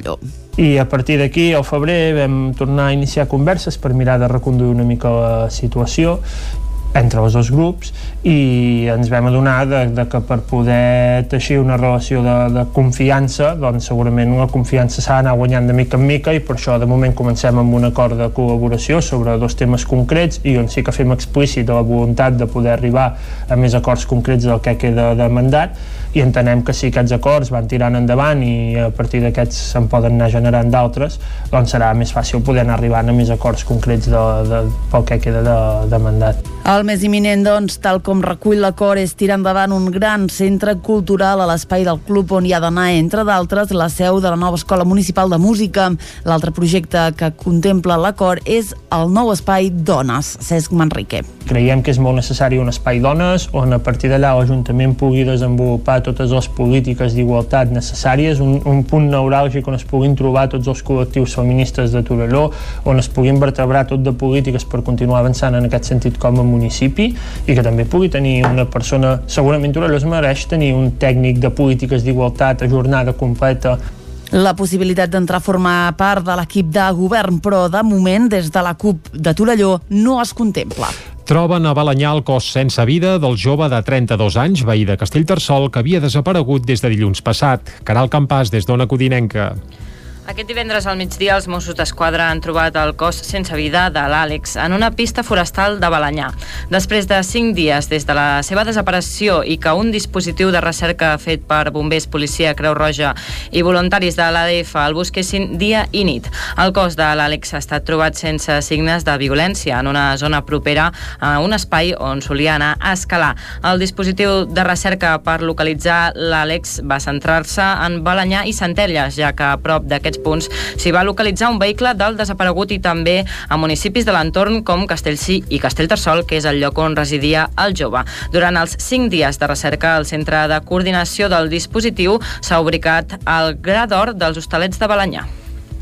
El ramader del Mas, el Pujol de Sant Joan de les Abadesses, tanca dos dels accessos de la Via Verda perquè el deixin passar per aquell camí per accedir a la seva masia. Isaac Muntades, des de la veu de Sant Joan. El ramader i productor de formatges que es va instal·lar fa més de 4 anys al Mas Pujol de Sant Joan de les Abadeses, Mel Brusaferri, va ser notícia en el seu moment perquè el propietari de la masia veïna, la Batllia, li demanava 70.000 euros perquè pogués passar amb el cotxe pel tram de la Via Verda que travessa la seva propietat i dona accés al Mas Pujol. Com que no pot fer-ho ara, ha de passar per sobre del riu Ter si vol accedir a l'únic camí que porta fins a la seva masia. El problema és que quan plou molt i el riu porta un determinat cabal, és impossible passar-hi. Cansat de la situació i que no s'hagi solucionat la seva problemàtica, ha decidit passar a l'acció. Jo he tancat, he tancat els accessos de la Via Verda al terme de la meva finca de la Balia i al terme de la Canosa. Bueno, aquí veig que no hi ha voluntat de donar una solució, perquè 5 anys amb molta paciència. No, no he volgut arribar aquí com un bulldozer, saps? El que arriba a la fora i denunciar tothom. Vam tenir molta paciència, vam anar a negociar amb tothom. Van tenir un nos, alguns educats i nosaltres molt mal triats per part de tots els nostres veïns i havent aquest camí que és públic que travessa la nostra casa, eh, ens vam trobar que l'administració no té cap intenció, no l'ha tingut mai en tots els cinc anys ni la té ara, d'avaluar la posició de poder passar a través d'aquest camí, que a més a més era el camí històric per accedir a aquesta casa. Els masovers d'abans sempre han entrat por ahí. Bruce Ferri va explicar que aquest conflicte ja ve d'almenys 20 anys abans i ell va fer una sol·licitud formal a l'Ajuntament de Sant Joan i al Consorci de les Vies Verdes perquè ho solucionin, ja que ells ho gestionen, però segons exposa Bruce Ferri, li diuen que no tenen competències per declarar la via verda com a tram compartit i que és una qüestió particular de dos propietaris. El ramader va apuntar que és innegociable ja que el propietari de la finca adjacent li demana 70.000 euros per si vol construir un camí al costat de la via verda que sigui prou ample i entri dins del seu prat. Brusaferri va dir que ell podria solucionar-ho ràpid i no molestaria gens. Jo estic esperant que moguin fitxar les administracions i depenent de lo que diguin o facin, pues, eh, doncs anirem a la justícia perquè no hi ha més remei, no vol haver-hi un enteniment per resoldre aquest tema. Que aquest tema es resolt. Simplemente sí que pot passar, jo envio una màquina que ne durarà dues hores en acondicionar aquest camí per treure aquests dos grossos que han caigut. La cosa serà moure el vaquer per un costat o per més convingui a remenar. I ja està, ja s'acabó. Vull dir, tampoc és que estem demanant de transformar això en un autopista. Bruce Ferri va insistir que ell hi ha dies que no surt de la masia i quan surt ho fa un cop al dia i per tant només hi passaria dues vegades. 20 empreses d'Osona i dues del Moianès han accedit als ajuts per a la transformació cap a una indústria 4.0 que atorga des de fa 3 anys el Departament d'Acció de la Generalitat. En la darrera convocatòria, la que fa referència al 2020, van rebre ajudes 490 petites i mitjanes empreses de Catalunya que es van repartir 6,5 milions d'euros, 2 milions més que l'any anterior.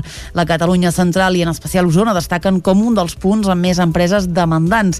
65 de la Catalunya central, de les quals 20 són d'Osona i a les quals s'hauran destinat 270.000 euros. Sis d'aquestes 20 són del sector de la metal·lúrgia i productes metàl·lics, quatre són del sector de l'alimentació, tres del de la consultoria i recursos humans, dues del de la química i els plàstics i una del de la maquinària i béns d'equip. Del Moianès s'han atorgat ajudes a dues empreses i en canvi del Ripollès no hi ha cap empresa que hagi demanat aquests cupons. Els ajuts són de fins a 20.000 euros per empresa i permeten el disseny i primera implantació de plans de transformació digital i tecnològica. La convocatòria per aquest any 2021 es va obrir ara fa 5 setmanes. La reobertura esglaonada de tots els sectors també ha comportat que aquest cap de setmana hagi obert de nou les seves portes la Jazz Cava de Vic. La reobertura ha estat possible gràcies a la instal·lació d'un nou sistema de renovació d'aire. Des del març de l'any 2020, cap músic havia trepitjat l'escenari de la Jazz Cava de Vic. Les característiques del local feien que fos complicat plantejar un possible retorn de la seva programació cultural.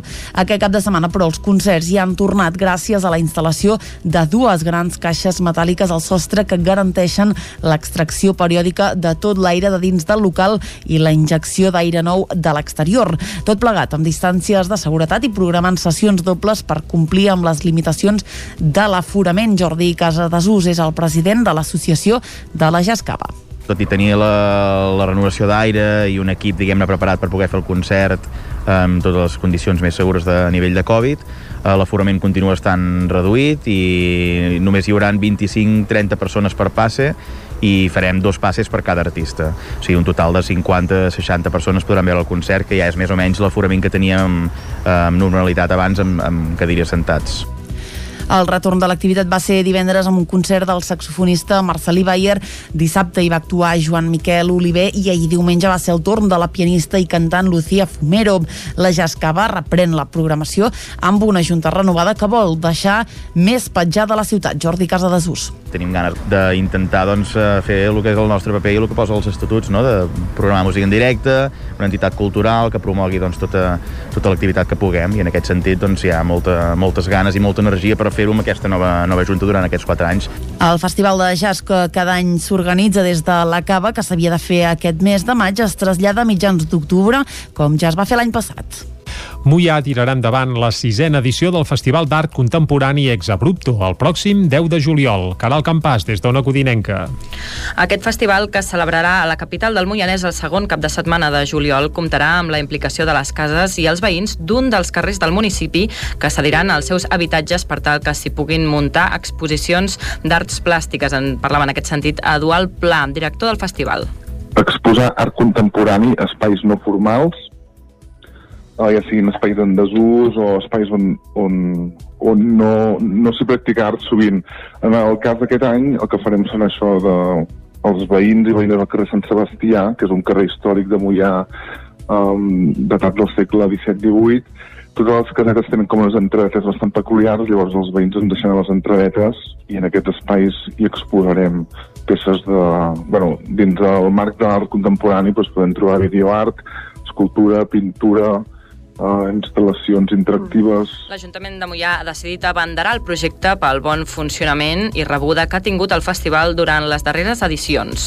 Bueno, l'Ajuntament de Mollà ha cregut, uh, bueno, ha cregut bàsicament en el festival després de diverses edicions celebrades i, i el bon funcionament i bona rebuda doncs per, per empènyer una mica el projecte i dotar-lo de recursos Paral·lelament a la línia expositiva, també hi haurà actuacions musicals prop del carrer Sant Sebastià. Esports. Arran de Cardedeu celebra el quart torneig anual de futbol contra la LGTBI-fòbia a la pista coberta del Parc Pompeu Fabra. David Auladell, de Ràdio Televisió Cardedeu. El torneig es va celebrar en una jornada festiva aquest dissabte a la pista coberta del Parc Pompeu Fabra amb equips de 5 persones que havien de ser mixtes o íntegrament formats per dones. El torneig es va celebrar només durant el matí, complint totes les mesures de seguretat, remarcant l'ús de la mascareta fora del terreny de joc. Els guanyadors van ser un equip format només per una noia i quatre nois, que es van endur un premi de samarreta de les jornades feministes d'aquest any. El segon classificat es van dur samarretes d'altres anys de les jornades feministes. L'objectiu del torneig any rere any és donar visibilitat a la lluita per avançar per acabar amb l'opressió contra el col·lectiu.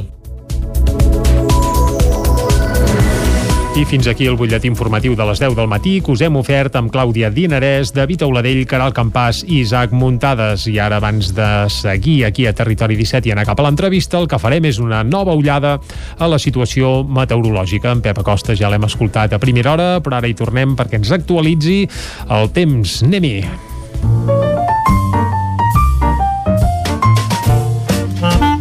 Casa Terradellos us ofereix el temps. Doncs en Pep, que ens havia pronosticat alguns ruixats per aquest cap de setmana, al final la cosa ha set molt minsa, molt minsa, i Pep, no sé com pinta, eh? Tant avui com aquests propers dies. Molt bon dia de nou. Hola, bon dia a tothom. Bon dia, bon dia. Encara m'hi queden els prims, uh -huh. poca cosa, es aniran dissipant i de cara al migdia quedarà un ambient ben assolellat. Tot i això, a partir de primers hores de la, de la tarda, eh, cap allà dos, tres, 4 de la tarda, ja hi haurà creixement de nuvolades. Avui hi haurà creixement de nuvolades més importants i poden caure precipitacions, sobretot a la zona del Pirineu. Seran precipitacions, la majoria febles, en algun punt moderades, que deixaran eh, entre 0 i 5 litres la majoria dels registres. Poder entre 5 i 10 a les zones on plogui més. Eh, típics ruixats, típiques tempestes petites, de mes de maig, de primavera, de les tardes, eh? No, ah. no es preveuen grans, grans precipitacions, perdó, ni de bon tros, i tampoc no seran molt extenses, afectant la zona exclusiva del Pirineu, del Ripollès i poder al nord d'Osona a tot estirar. I les temperatures, al fer més sol, eh? seran més altes que ahir. Seran ja gairebé normalitzades per l'època de l'any. La majoria de màximes entre els 20 i els 24-25 graus a les zones on faci, on faci més calor, eh? Uh, màximes, sí, 25 graus on faci més calor, si bé la majoria serà entre això, eh? entre els 20 i els 23, 24, uh, tot estirar. Faig un petit avançament de la setmana, sabeu que teníem una setmana molt tranquil·la, amb temperatures normals per l'època, es aniran normalitzant, farà caloret al migdia, i a la que vagi passant la setmana, l'activitat tempestuosa augmentarà. Uh, cada dia tindrem més tempestes i al final de setmana, entre dissabte i diumenge, les tempestes ja poden ser bastant intenses i extenses. Veurem com evolució tot plegat, però sembla que l'evolució serà aquesta, eh? Uh, temperatures normals per l'època i cada vegada activitat tempestuosa més important. Veurem què acaba passant i veurem si tenim una altra, una altra no victòria, eh? Veurem, veurem, veurem com va tot. Molt bon dia i molt bona segona Pasqua. Adeu. Vinga, Pep, moltes gràcies per aquesta informació meteorològica. Nosaltres ara fem re, una pausa de mig minutet i tornem de seguida amb l'entrevista. Avui conversarem amb el degà del Col·legi d'Advocats de Vic, Rogeli Montoliu. El saludem d'aquí mig minut. Fins ara. Casa Tarradellas us ha ofert aquest espai. Territori 17.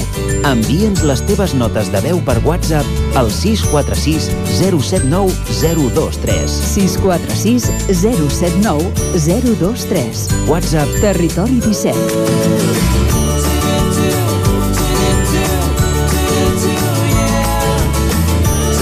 Territori 17. Som a Facebook, Twitter i Instagram amb l'usuari Territori 17.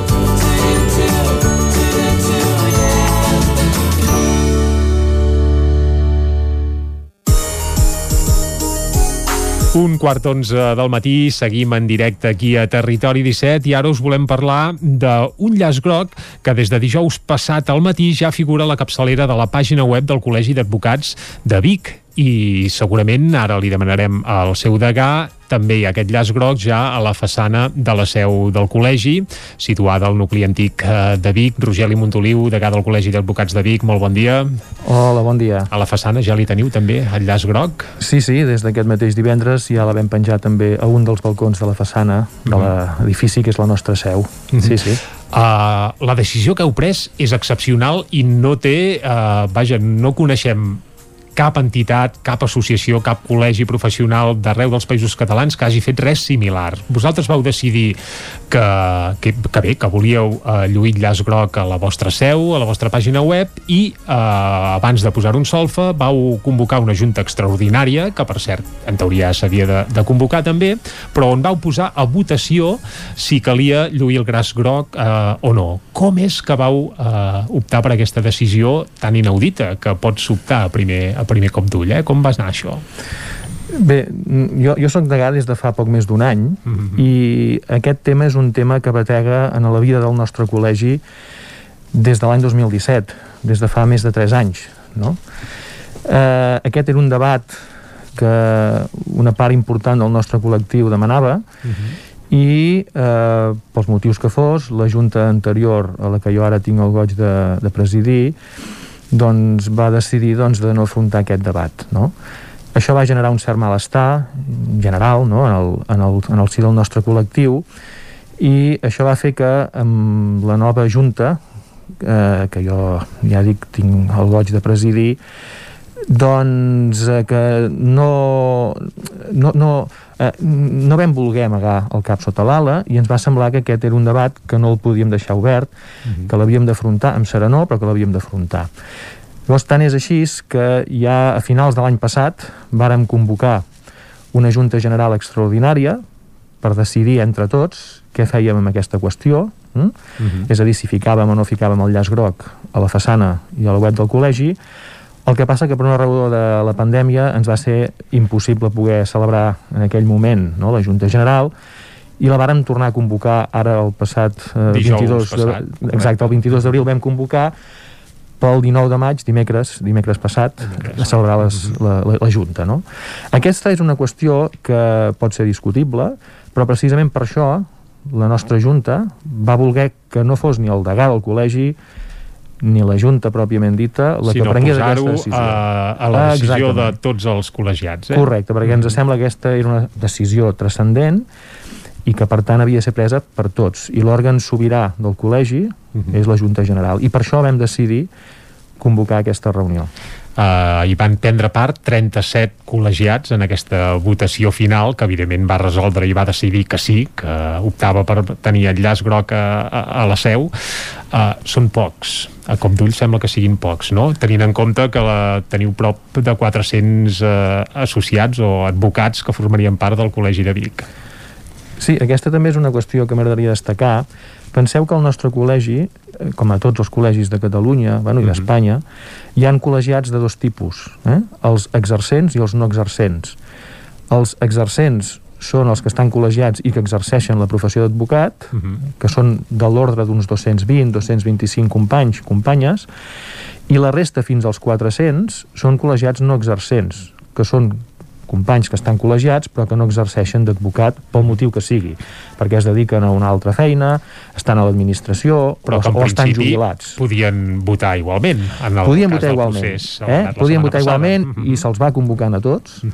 El pes del vot d'un no exercent és d'un vot i el dels exercents val el doble, perquè per estatuts és així, no?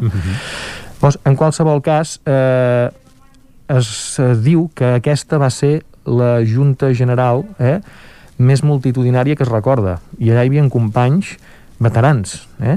companys que tenen 70 anys, que continuen exercint, no? i que van venir i que van participar i que van votar i que ens deien que era la junta més multitudinària que recordaven que s'hagués celebrat. Eh? Què vull dir amb això? Vull dir que sí que és cert que moltes vegades en els col·legis, en les associacions en general, costa no? que la gent participi. Sobretot en, en circumstàncies i esdeveniments com el que vau celebrar la setmana Eh, passada. eh, Exactament, però que si fas una lectura, eh, diguem-ne, feta, ben feta, Mhm. doncs la participació va ser destacada des d'aquest punt de vista. Hi ha qui pot eh, pensar que el llaç groc és un símbol polític, partidista en aquest sentit, eh? Uh, com els hi rebatreu aquest argument a qui us el, vaja, a qui us el posi ja directament davant la taula? Bé, jo, jo he de dir que mm, aquest argument, eh, tots els arguments s'han de poder plantejar. Esclar, nosaltres som advocats i, i com a advocats estem acostumats no, a defensar o a acusar sí, sovint i per tant fins i tot tenim, coses difícils de, de defensar, correcte. tenim, jo diria que mm, per vocació, no? la necessitat de poder escoltar els arguments Mhm. en un sentit i en un altre, i per tant tots els arguments, tots els debats són ben, ben rebuts. No? El que és cert és que eh, una part del nostre col·lectiu considera que aquest pot ser vist com un símbol de caràcter polític i la resta no. Jo he de dir que aquest eh, és un, un, un debat que, que s'ha afrontat i que en aquests moments, que a mi em consti, avui, en a mi, en la Junta, ningú ha dit que aquest llaç tingui una connotació política. De fet, quan nosaltres plantegem aquests acords a la Junta General, ho fem no des d'un punt de vista polític, sinó des d'un punt de vista de drets, de drets humans. Aquí hi ha una qüestió important a destacar, i amb tots els respectes pels, farma, pels farmacèutics, però nosaltres, el Col·legi d'Advocats, no som un col·legi de farmacèutics. Som un col·legi d'advocats i d'advocades. I els advocats i les advocades ens dediquem, per vocació, a ajudar la gent, a defensar a la gent, a defensar els seus drets. Mm -hmm. El col·legi té uns estatuts que regeixen el seu funcionament i en un d'aquests articles es regulen quines són les finalitats del col·legi. I una de les finalitats que té atribuïdes al col·legi és la de la promoció i la defensa dels drets humans. Per tant, el llaç groc no va d'independència sí o d'independència no, sinó que va de defensa dels drets humans. I és més... Segons el parer del degà del Col·legi d'Advocats de Vic, perquè hi ha qui pot pensar que el llaç groc és el llaç dels d'Esquerra Republicana o dels de Junts per Catalunya, per exemple. Sí, no, però això objectivament no és així. Jo ara aquí, això ho dic més a títol personal, però jo tinc amics que són socialistes que porten el llaç groc, per exemple. Eh? Eh, en tot cas, també he de dir que els estatuts nostres diuen que fins i tot a títol individual, ja no com a col·lectiu, sinó a títol individual, quan un company, una companya, un col·legiat, una col·legiada té coneixement de l'existència d'una possible violació dels drets humans, ho ha de denunciar. És a dir, què vull dir amb això? Que més que si estem legitimats o no, que com a col·legi ho estem, eh, perquè tenim aquesta finalitat estatutàriament atribuïda, fins i tot tenim, des d'un punt de vista de col·legiats, no? l'obligació de denunciar possibles vulneracions de, de drets humans. Llavors, a partir d'aquí, aviam, em penso que és una qüestió ja de cadascú, precisament per això, precisament per això, varen voler que no fos ni el degà ni la Junta de Govern, tot i que la representativitat o la representació ja la teníem, ja ho podíem fer, eh? no calia convocar aquesta Junta, però precisament perquè volíem que descansés la decisió sobre l'òrgan sobirà del col·legi, que és la Junta General, és a dir, assembleàriament, precisament tothom qui va voler, tot aquell company o companya que va voler, va poder venir Mhm. i va poder defensar que aquesta doncs, no era una qüestió que es havia de, eh, d'aprovar. No? He de dir en relació al resultat, i no m'allargo més, eh, però que hi va haver en concret un 24,5% aproximadament dels vots Contraris, contraris a posar el llaç groc. exactament, contraris al llaç groc eh?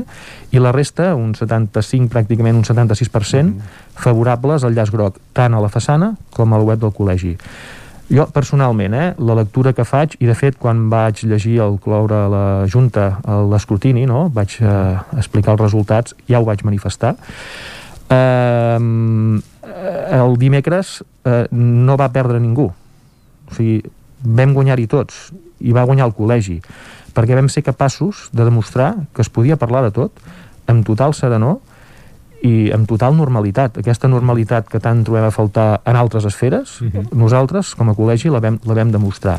I el fet de que hi haguessin eh, aquests vots eh, contraris al, al llaç groc, mm, la lectura que eh, des de la Junta hi donem és que són la, mm, diguem-ne, mm, ratificació, no?, o la confirmació de que es va dur a terme amb totes les garanties un procés per decidir a veure què fèiem amb aquesta qüestió. És a dir, aquests nos validen no? que la participació va ser garantida per part de tothom, pensés tothom el que pensés. I, per cert, el llaç groc llueix a la pàgina de la web des de dijous, a la seu de l'entitat des de divendres. Ens comentaves, heu rebut ja algun tipus, entre cometes, de represàlia o d'intent de, no sé, de sabotatge o, o no?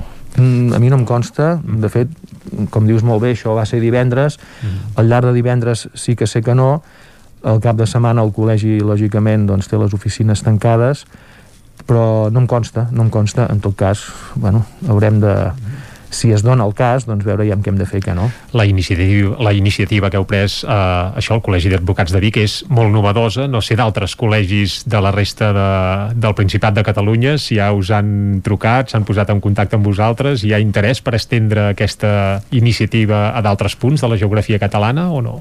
Bé, jo, jo he de dir que um, el Col·legi d'Advocats de Girona, en el 2017, si no recordo malament, la Junta de Govern, però fixeu-vos, eh, no la Junta General composada per tots els col·legiats i col·legiades, la Junta de Govern, és a dir, els eh, representants no, del, del col·legi, varen adoptar un acord de penjar un llaç groc en la pàgina web del seu col·legi, del Col·legi de Girona, on també hi ha penjat un llaç de color lila. Eh? Per tant, no som l'únic col·legi que s'ha posicionat en aquest sentit. Eh? El que passa que la eh, novetat, no, diguem-ne, és que nosaltres ho hem fet eh, en aquest moment, que en aquell moment no hi havia sentència, hi havia només detencions, diguem-ne, i presons provisionals, no? Ara ja hi ha una sentència, ara ja hi ha impugnacions, no?, que aniran a Europa. L'altre dia eh, Jordi Turull va veure desestimat el seu recurs d'empara i portarà l'assumpte al Tribunal Europeu dels Drets Humans. Hi ha hagut ara Amnistia Internacional ja per 8-10 vegades que ha denunciat aquesta, que per ells és una injustícia. Jo aquí no m'hi fico, eh? Mhm. Uh -huh. I per tant, eh, la novetat és que, la, que el llaç es fica no només a la web, sinó també a la façana, i a més a més per un acord aprovat per Junta General. Doncs Rogeli Montoliu, degà del Col·legi d'Advocats de Vic, moltes gràcies per venir avui amb llaç groc a explicar-nos com va anar aquesta uh, Junta General Extraordinària que vau fer la setmana passada. Moltes gràcies. Gràcies per invitar-nos. El nou FM, la ràdio de casa, al 92.8. Fa més d'un any que hem de fer gestos difícils per aturar la pandèmia. Ara per fi ha arribat el moment de fer el gest que estàvem esperant, vacunar-nos contra la Covid-19. Avancem amb la vacunació esglaonada per franges d'edat. Dona't d'alta a la meva salut i actualitza el número de telèfon mòbil per assegurar-te que t'avisem quan arribi el teu torn. Recorda, lamevasalut.gencat.cat Salut, cuidem el que som. Catalunya 2030, Generalitat de Catalunya. Cobertes serveis funeraris. Els nostres tanatoris estan ubicats en els nuclis urbans més poblats de la comarca d'Osona per oferir un millor servei. Tanatori de Vic, Tanatori de Manlleu, Tanatori de Centelles i Tanatori de Roda de Ter. Sabem que són moments difícils i per això el nostre compromís és atendre-us en tot moment amb un tracte humà, sensible i respectuós. Cobertes serveis funeraris. Telèfon 24 hores 93 883 23 46. Amb Pradell estalvio energia i cuido la meva butxaca i el medi ambient. Posa't en mans de Pradell. Són experts en calderes de gas i condensació, estufes de pèl·let, energia solar, terres radiants, geotèrmia i aerotèrmia. Pradell instal·la calderes de biomassa per a particulars i per a empreses. Si vols estalviar un 50% en consum, contacta amb Pradell i passa't a les energies renovables. Pradell, som a l'Avinguda Països Catalans 27 de Vic. Telèfon 93 885 11 97. Pradell.cat. Cocodril Club. Si t'agrada la bona música dels anys 60, 70 i 80, escolta el 9 FM els matins de dissabtes i diumenges d'11 a 1. És el temps del Cocodril Club, tot un clàssic de la ràdio, amb les bases del pop-rock, les llegendes, les cançons que s'han convertit en autèntics himnes. Recorda, dissabtes i diumenges al matí, d'11 a 1, al 9 FM 92.8. Cocodril Club, el programa revival de l'Albert Malla. Hasta luego. Per al Dia de la Mare, vine a la Cakery a buscar un dolç ram. Galetes decorades i cupcakes especials. Pastissos personalitzats, galetes, cookies, brownies i molt més. Ens trobaràs a Vic, al carrer de Gurb 34 Baixos, al telèfon 93 886 70 51 i també a Instagram i Facebook. Xalant Moda i Complements. Nova temporada primavera-estiu. Moda home-dona, nen-nena, sabates, bosses de mà, maletes, complements i molt més. Vine a veure, ens trobaràs una secció d'ofertes amb roba de la temporada passada a 10 euros i 19 euros. Vine a Can Xalant, ens trobaràs al carrer Sant Tomàs número 6 de Call d'Atenes. També a Instagram i Facebook.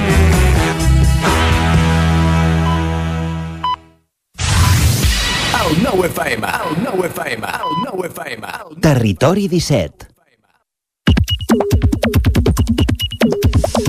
Dos quarts d'onze del matí, seguim en directe aquí a Territori 17 i després de conversar amb Rogeli Montoliu, que ha marxat, com bé dèiem, amb el gras, amb el llaç groc a la solapa, el que farem és conversar amb l'Isaac Moreno, que cada setmana, quan arribem a l'equador del programa, i cada dia ens porta piulades. Isaac, molt bon dia. I bona hora, com estem? L'Isaac, que no sé si porta el llaç groc a la solapa o no, però, però vaja, el 9-9 la capçalera sí, i ja fa uns quants mesos i uns quants anys. Però dit això, Isaac, anem a repassar una mica les piulades. Per on comencem avui? Doncs comencem parlant de futbol. Josep Maria Diegues diu que van fer fora Suárez perquè era massa gran per seguir jugant al Barça i diu que vindrà el Kun Agüero. Si es tracta que Messi segueixi tenint un amic íntim al llit perquè no marxi i vist com anava la Lliga, potser ja estàvem bé com estàvem, no? Doncs bé, part de raó de possiblement la té, però vaja, això ho, de, ho, ho acabarem de polir a la part final del Territori 17 a la tertúlia esportiva, que serà prou interessant. Seguim. Molt bé. Teva Costa també piulava al respecte. Diu, la temporada del Barça no és dolenta guanyant la Lliga de l'Atlético, però la imatge dels últims partits és clau per fer fora Coman. O en Joan Serra, que es fixava que els gols de l'Atlètic de Madrid els havia fet Luis Suárez. Uh, més qüestions. Xevi Tornafoc diu, segons em diuen els que hi entenen, en, en Jaume Giró torna al govern al sector de negocis de Convergència. Tantes voltes per acabar el pujolisme sense Pujol. Uh, també, encara en el món del futbol, la mort de Francesc Arnau ha generat diverses reaccions en el cap de setmana. Agustí Danés, aquella típica frase populera que de, en aquest partit ens hi va la vida en dies com avui perd tot el sentit. Trist per la mort de Francesc Arnau. Més qüestions. Joan Coma diu, molta de la gent que ara posa el crit al cel no només va callar amb el nomenament de Nadina Calviño, sinó que acabarà aplaudint amb les orelles a Giró quan el vegin negociant a Madrid per un plat de llenties. Pim-pam. Uh, Xavi Bardolet, aquest cap de setmana hi havia una cronoescalada en bicicleta fins a Bellmunt, diu, si us voleu posar a prova i pujar a Bellmunt des de la Riera de Sant Pere, millorant els, les millors marques mundials que s'han registrat avui, haureu de millorar això. Primera cronoescalada organitzada pels centres excursionistes de Pedro i Sant Pere, 107 participants, i les marques, eh? Apunteu, 24 minuts 26 segons, ai, sí, 24 minuts 26 segons, Quina 25 bestiesa. 35, Mm -hmm. 26 00, 26 18, 26 19 o 26 29. Cap d'aquestes marques Eh. les va fer en Xevi Verdolet, eh? Ho podem, ho podem afirmar, això. Jo, tra traduint-ho amb hores, potser encara, encara m'hi veig en cor. Més qüestions. Més qüestions. Uh, un fet luctuós que ha sacsejat els companys d'Ona Codinenca, la ràdio està de dol per la mort de Pere Vallcorba i Fontserè, membre del programa Evidències i col·laborador de molts espais d'Ona Codinenca, d'Ona Codinenca des dels seus inicis. Doncs des d'aquí una Eh. abraçada a Ona Codinenca i a tota la família. Mm -hmm. Tant ho comenta l'actual director, la Gemma Permanyer, se n'ha anat una de les millors veus que han passat per aquesta casa, una persona amable que es feia escoltar i que no tenia mai un no per cap projecte de la ràdio. Gràcies per tot, Pere. O Antoni Falqués, un dia molt trist per la família d'Ona Codinenca, s'ha pagat una part molt important de la història de la ràdio. Descansa en pau. Pere. Uh, Joan Carles Rodríguez, diu, alcalde de Sant Julià, president del Consell Comarcal d'Osona, diu a Sant Sebastià el lliurament dels Premis Literaris i el relleu de l'homenatjat d'Òmnium de Tati Furri a Mercè Generó. Felicitats als guardonats, la flama no s'apaga mai. Diu. Abans parlàvem de marques, de la cronoscalada de Sant Pere, en Pep Correcte. Mas, eh, des de Manlleu, es fa ressò d'una publicació que sortia al 9-9. Diu, sempre va bé que et recordin que tens marge de millora. I el que sortia al 9-9 era el rànquing de les 10 millors marques d'Osona en marató. I en Pep Mas, aquí on el veus, té el sisè lloc. Dos, dues hores 27 minuts 34 El segons. Pep l'any Mas, 2015. re- ex-regidor de l'Ajuntament de Manlleu, eh? El mateix. El mateix, Eh, quina val, màquina. Val a dir que, la- val a dir que el, el, el rècord del rànquing el, el l'ostenta l'Enric Rota, 2 hores 22 minuts 27 segons, i és l'any 85. Carai, doncs fa uns quants dies, sí, sí. Llucià Ferrer es fixa amb el pretès jugador de futbol Erling Haaland, pretès pel Barça, però que sumaria que aquest estiu no arribarà. Diu, Sí, només tal, per com tal com vesteix, està la ja caixa no- és complicat, sí, sí.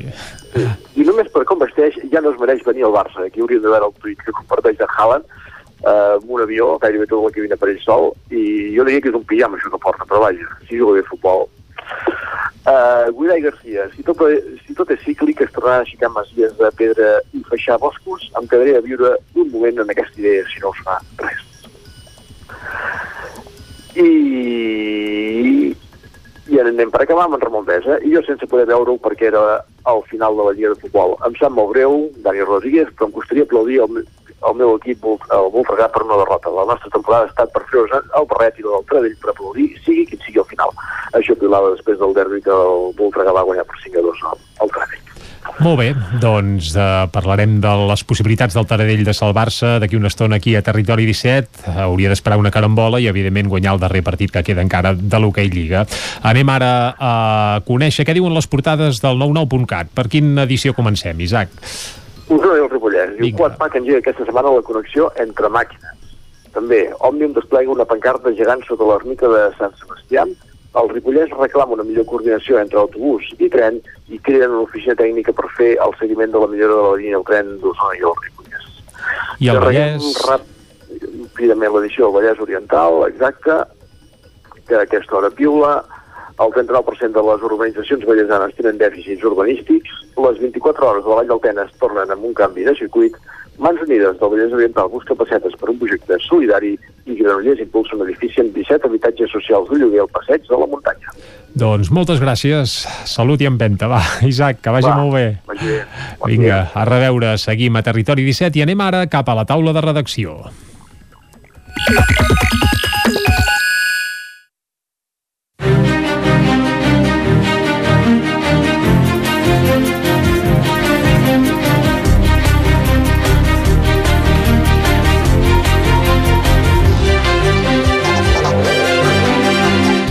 I quan passen 7 minuts de dos quarts d'onze del matí, anem a la taula de redacció que avui compartirem amb Dolors Altarriba i Miquel R.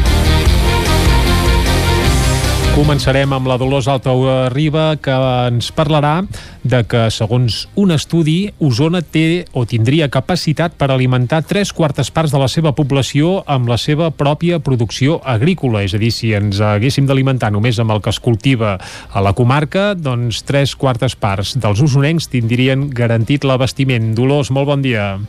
Hola, bon dia. Qui, sí, qui mira, ho ha estudiat, això? Qui, qui sí, ho ha fet? això ho ha estudiat, sí, ho ha fet uh, uh, BC d'Esmar Rural, que és la, la, l'or- un organisme de la Diputació de, de Barcelona, um, i ha fet un estudi uh, creuant dades de les 12 comarques de la demarcació de Barcelona a veure si serien autosuficients alimentàries, eh, alimentàriament, diguem-ne, per, uh, doncs, eh, de, per la seva població o no. Llavors, esclar, evidentment, a veure, ja, ja, ja es veu una mica, però en tot cas ells ho han eh, posat eh, allò sobre, sobre dades i Osona eh, podria alimentar això, un 74% de la seva població amb els conreus que té, tant de, ho han dividit entre els de secà i els de i els que de, de regadiu, diguem. Eh? Evidentment, evidentment aquí a Osona eh, n'hi ha més de secà, sí. lògicament, eh, i, i que de regadiu, però, però bé, han fet eh, aquesta, aquest, aquest exercici que, mm, que també comparen, o sigui, han, han calculat que, per exemple, Catalunya, eh, entre el- Catalunya, tot Catalunya pot proveir el 44% de la seva població, val? I llavors aquí, doncs, posat per comarques i per, i per poblacions. Eh, en el cas d'aquestes 12 comarques de la demarcació de Barcelona, el Moianès és, juntament amb el Berguedà, les dues úniques comarques que estan per sobre del 100%. Carai, per tant, el Moianès tant, sí que podrien- no tindríem sí. problemes per autoabastir El Moianès, no, no tenen problema. Clar, això té molt a veure amb, amb la població, primer de tot. amb la població, perquè, és clar, vull dir, el, el, el, el barcelonès, per dir una cosa, doncs només té 55 hectàrees de, re, de secà i 39 de regadiu. Vull dir, en fi, té, té un 0,01% d'autosuficiència. Eh, eh, clar, eh, ja, es, ja es veu, diguem-ne, no?, que, que, que, que diguem-ne que és així, però sí que és eh, curiós de veure. Ells també és un exercici que es fa eh, per, per, per entendre entendre, per veure aviam quina, quina, bueno, què es podria fer, en tot cas, per millorar això, per poder vestir la, la, la, la població amb, amb el que seria producte local. Això va molt lligat amb, amb el fet de que no s'hagi de, de fer més malbé al planeta, diguem-ne, no? d'alguna manera, tot el tema eh, doncs de la sostenibilitat i, i, i, de, i de, de, de cap on va, no? I és una cosa, és un tema que aquest no, producte de proximitat és una cosa que es promociona també des de la Unió Europea i, per exemple, ells expliquen en l'estudi que a Suïssa ja s'ha establert una dotació de sol per habitant.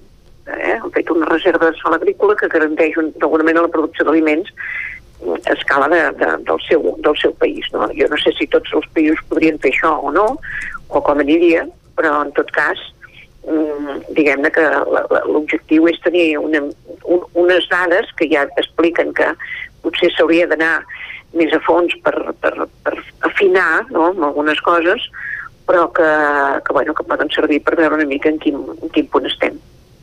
Molt bé. I, i bé, eh, o sigui, llavors també, com deia, ho fan poble per poble i en aquest sentit, doncs, eh, no, només dels, de, entre els que hi ha a Osona i el Ripollès, diguem-ne, només 20 no serien eh, autosuficients en conreus. Vol dir que suposo que entre tots doncs, ja ho cobriríem eh, d'alguna manera. no? Suposo que, que es tracta d'això, no? Però, però està, bé, està bé de veure, curiós, per, per exemple, és curiós, però alhora s'entén que Roda de Ter i Sant Hipòlit de Voltregà són els dos pobles que, que tenen menys capacitat d'autosuficiència. I, evidentment, això s'explica perquè... perquè són municipis per... molt petits, oi? No, no, i perquè, no, no només per això, sinó perquè estan envoltats de dos pobles que ells ja no poden créixer més, pràcticament. Mm. O sigui, el, estan envoltats de les masies de Roda i les masies de Voltregà, que són els que tenen més terreny, diguem-ne. I, per tant, eh, ells no tenen eh, més terreny per créixer, no? eh, o per tenir camps o per, en fi, no? Per això, és, eh, bé, són curiositats d'aquestes de, de l'estudi que, que ja dic, van una mica més enllà en el sentit d'intentar trobar solucions eh, de, de, de, de, de millora eh, perquè, bueno, perquè potser hauríem de, de cultivar més per tenir la, la, la producció més pròpia i més propera doncs serà una qüestió que ens haurem de plantejar en els propers temps, sobretot si volem caminar cap a, bé, cap a la sostenibilitat que Exacte. i bé, i es parla molt de la producció de quilòmetre zero, etc etc, però segurament seria un dels aspectes en els quals caldria treballar i millorar. Doncs Dolors, moltes gràcies per acostar-nos a aquesta, a aquesta informació. A vosaltres. I després de parlar amb la Dolors Alta Riba, parlarem ara amb en Miquel R, que aquest cap de setmana s'ha passejat pel Parc Balmes de Vic, on s'ha celebrat una nova edició de l'Actium, aquesta fira del formatge artesà, que l'any passat, per culpa de la pandèmia, doncs no es va poder celebrar a Vic, però aquest any sí que ha tornat. Vic ja va ser un dels primers racons de la geografia catalana en recuperar fires. Recordem que pel Mercat del Ram ja es va viure, això sí, en un format força reduït, doncs molta activitat activitat presencial i una de les activitats presencials que hi va haver durant el Mercat del Ram va ser una petita mostra firal amb productors artesans i ecològics que es va instal·lar al Parc Balmes de Vic. Doncs aquest mateix escenari, el del Parc Balmes, durant tot el cap de setmana, tot dissabte i tot diumenge, es va convertir també en la seu, en el malic de la Fira Lactium, aquesta fira de formatges artesans que ha tornat al cap de setmana i pel qual hi van passar prop de 18.000 persones, una xifra, a més a més, que, que és real, perquè cal dir que al recinte hi havia un control d'accés per procurar que en cap moment es sobrepassés el límit d'aforament preestablert arran de les mesures anti-Covid. Eh, recordem que era ja la tercera, no la tercera, sinó la tretzena edició del Lactium, una fira que va arrencar ja fa anys aquí a la capital d'Osona, que va arrencar amb irregularitats perquè no se li acabava de trobar lloc, va estar a la Rambla del Carme, va passar també per la zona de la plaça plaça dels Màrtirs, va passar fins i tot a la plaça de la Catedral de Vic i últimament en les darreres edicions d'abans de la pandèmia doncs eh, s'havia celebrat en aquest cas al Parc Balmes de Vic, però com hem dit, en Miquel R crec que s'hi va passejar eh, durant tot el cap de setmana. Miquel, molt bon dia. Molt bon dia, Jordi, ho has explicat molt bé. Sí, és que he fet una prèvia eterna perquè em pensava, Miquel, que em portaries un formatge físicament aquí als estudis del 9 per poder-lo degustar però ja veig que, que tenim per via telefònica, eh? Per tant... Correcte.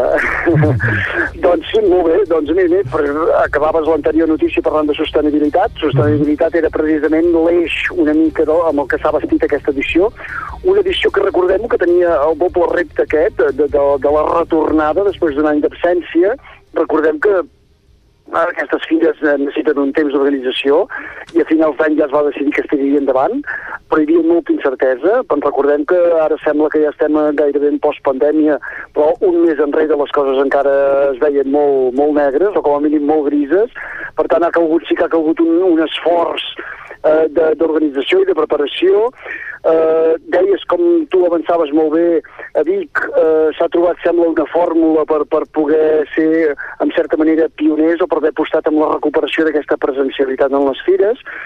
Uh, el Lactum ja havia trobat, uh, com bé deies, des de fa 5 anys aquest escenari del Parc Balmes que sembla ideal, que és un entorn ideal per aquest tipus de fires, que a més a més s'ha guanyat aquest any segurament que és una de les mesures que, que han arribat per quedar-se, que és el fet de tancar el trànsit al tram de la carretera que passa pel costat, per tant, donar una sensació al cap de setmana de tranquil·litat, d'oasi enmig de, eh, enmig dels arbres, de, de l'aigua i tot plegat, que penso que té molt encant i que té molt potencial per anar, per repetir per futures fires.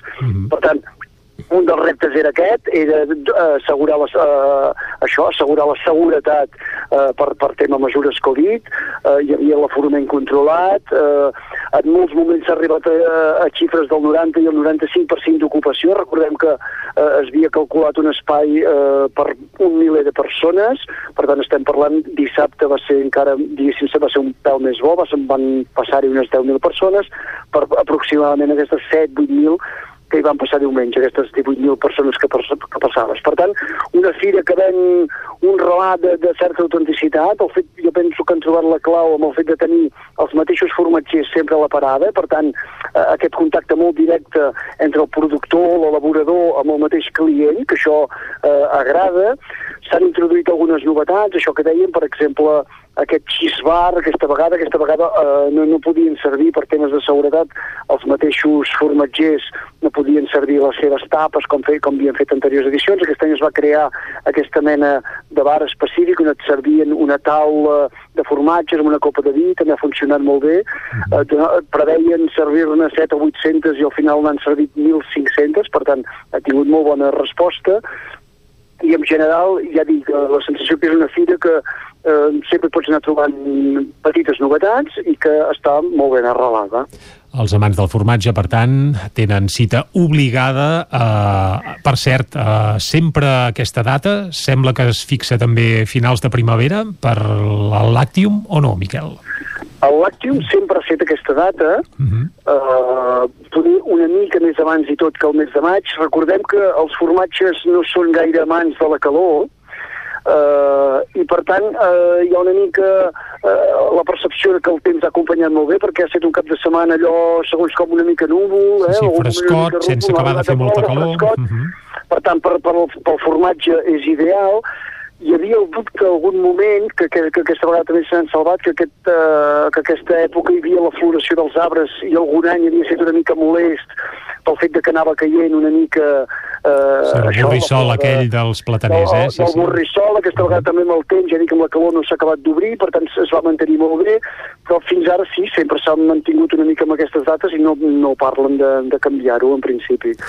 Recordem que també la fira s'acompanya d'un concurs que també està agafant renom, un concurs que ofereixen diferents modalitats, en aquest any hi havia 13 categories diferents de formatges, es va haver de canviar el procés de deliberació precisament per no concentrar una cinquantena de, de jurats en una, en una mateixa sala, això se- s'espera que l'any que ve es pugui recuperar, es va fer de forma itinerant per tot el país i es va arribar, ja dic, a, a aquesta deliberació final amb, amb 13, diguéssim, làctiums d'or pels 13 millors formatges de les diferents categories, entre els quals, si tirem per casa, podríem dir que n'hi havia dues d'osonenques, hi havia làctic subac, que va guanyar una de les categories, i els formatges d'espinelves, que en va guanyar una de les altres. Doncs per molts anys els afortunats els vas poder tastar, Miquel?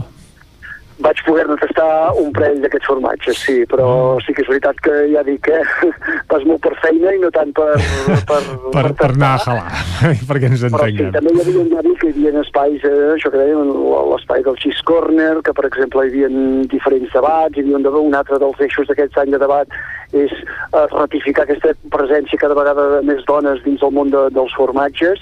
Eh, el formatge eh, en general a Catalunya va viure fa 30 anys una primera eclosió, va, va entrar tot, tot just, diguéssim, una primera fornada de formatgers, encara era molt tendre, i estava molt lluny, diguéssim, d'Europa, i ara hi ha aquesta percepció que, que fa 10-12 anys que està sortint tota una nova fornada de gent jove, estan fent uns formatges eh, això molt, molt vius, molt atrevits, eh, amb moltes noves propostes, i es va guanyant amb cultura formatgera, que ja dic que, que Catalunya és relativament recent, però que sembla que, que està tenint el seu potencial.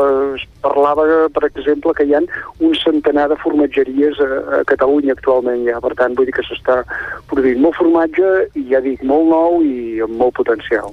Doncs, Miquel, moltes gràcies per acostar-nos l'actualitat formatgera arran del Lactium que s'ha celebrat aquest cap de setmana a Vic. Salut, que vagi molt bé, va. Miquel, gràcies. Adéu-siau.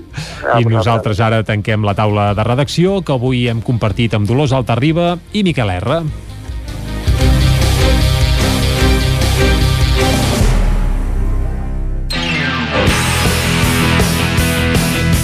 I quan falten 10 minuts per les 10 ens posem en mode esportiu i repassarem ara mateix com els han anat els principals equips del nostre territori al cap de setmana. I aquest repàs esportiu l'arrencarem anant cap a Cardedeu amb l'Òscar Muñoz. Òscar, molt bon dia. Bon dia. Com ha anat el cap de setmana, esportivament parlant? Doncs molt bé, Ah, molt bé. Home, no passa gaire, eh? Els equips de Cardedeu no. normalment sempre ens portes aquell regust amarg, eh? O males notícies Exacte. o, Doncs o taguió. setmana- Però vaja, aquest cap de setmana Sí, veiem que hi ha alegria. ha passat.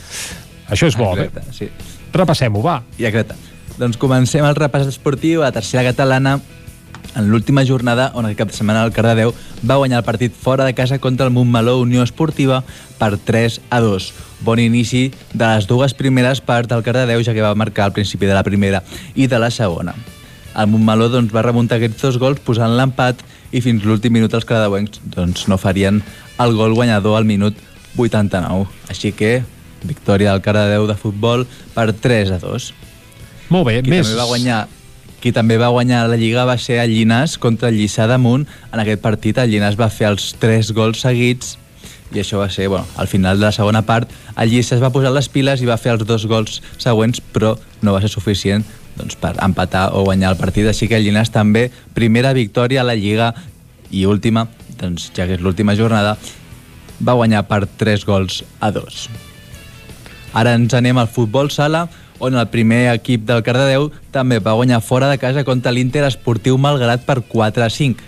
Els dos equips estan situats a la part baixa de la classificació i el Cardedeu doncs, ha pujat fins la tretzena posició. Portem 3 a 3 guanyats. Això, això és I bo, això és bo. Va, seguim. A l'handbol, a la Lliga Catalana Sènior Masculina, on també teníem un clàssic de l'handbol, Cardedeu contra el Vilamajor, doncs això, van guanyar els cardedeuencs per 43 a 32. Aquesta victòria i gràcies a la derrota també de la Salle Bonanova, que anaven els primers classificats, doncs el Cardedeu pot retallar distàncies amb els segons classificats. I del masculí al femení, el femení també guanyaria contra el Canovelles, últimes classificades a la Lliga, i els cardedeuenques són penúltimes per 25 a 17. Encara les cardedeuenques van una miqueta malament en aquesta Lliga, també els hi falten dos partits per disputar, ja que doncs, eh, per causes externes a la competició doncs, no han pogut jugar. Així que a l'handbol, doble victòria cardedeuenca i ara anem a Granollers, on arriben les notícies més amargues. Eh, acabem la- aquesta l'aventura de l'Esport Club, ja que va, aquest cap de setmana va perdre contra el Sant Andreu per 0 a 1 i així doncs, diu adeu als play-offs d'ascens a la segona eh, divisió. I per acabar, a l'handbol, doncs, les noies del CAC 7 Gra- Balonmano Granollers eh, van perdre contra l'Elx en el partit a quarts de la Copa de la Reina. Així que els equips de Granollers se'ls acaben Eh, Bé, les bones notícies avui venien de Cardedeu, eh? A Granollers una Exacte, mica més, de Granollers més fora, pensit, res. tot plegat. Bé. Òscar, moltes gràcies. A vosaltres. I vinga, canviem de cantó al Vallès Oriental, anem cap a Sant Feliu de Codines, a Ona Codinenca, on hi tenim la Caral Campàs. Caral, bon dia. Hola, bon dia. Ja sabem que el Rec amb Làser va empatar a un al camp del Vendrell, eh?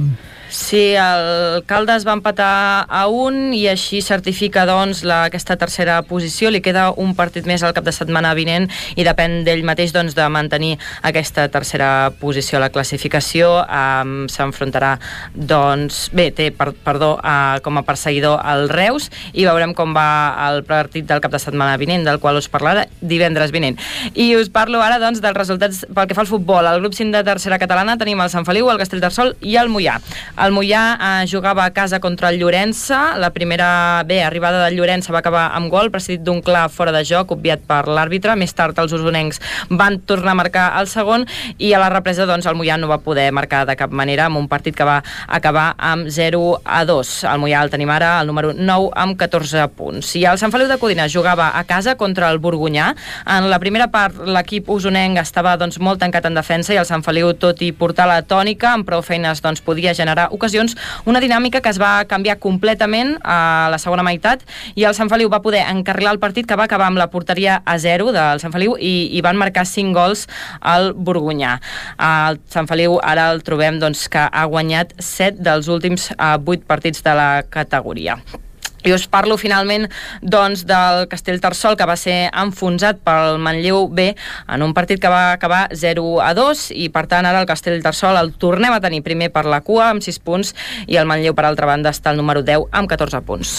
Doncs moltes gràcies, Caral. Anem ara A cap, a, anem cap al Ripollès a saludar l'Isaac Muntades. Bon dia, Isaac.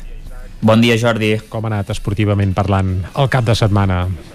Doncs ha anat força malament, però tenim també, començaré si us sembla, per l'únic bon resultat que, que tindríem, que seria en futbol, el grup 18 de la tercera catalana, perquè la Badesenc doncs, va aconseguir guanyar el Fornells 2 a 1, i gràcies a aquest resultat doncs, ja és eh, segona a la classificació amb 23 punts, que són 3 menys que el líder de la categoria, l'Unió Girona, amb un partit en què ràpidament, doncs, eh, eh, quan portàvem ja 35 minuts de partit, eh, s'havien vist els dos gols de, dels Sant Joanins, eh, un gol d'Isma des de a la segona línia que va anar ras per inaugurar el marcador i després Àlex va fer un golàs doncs, per l'escaire.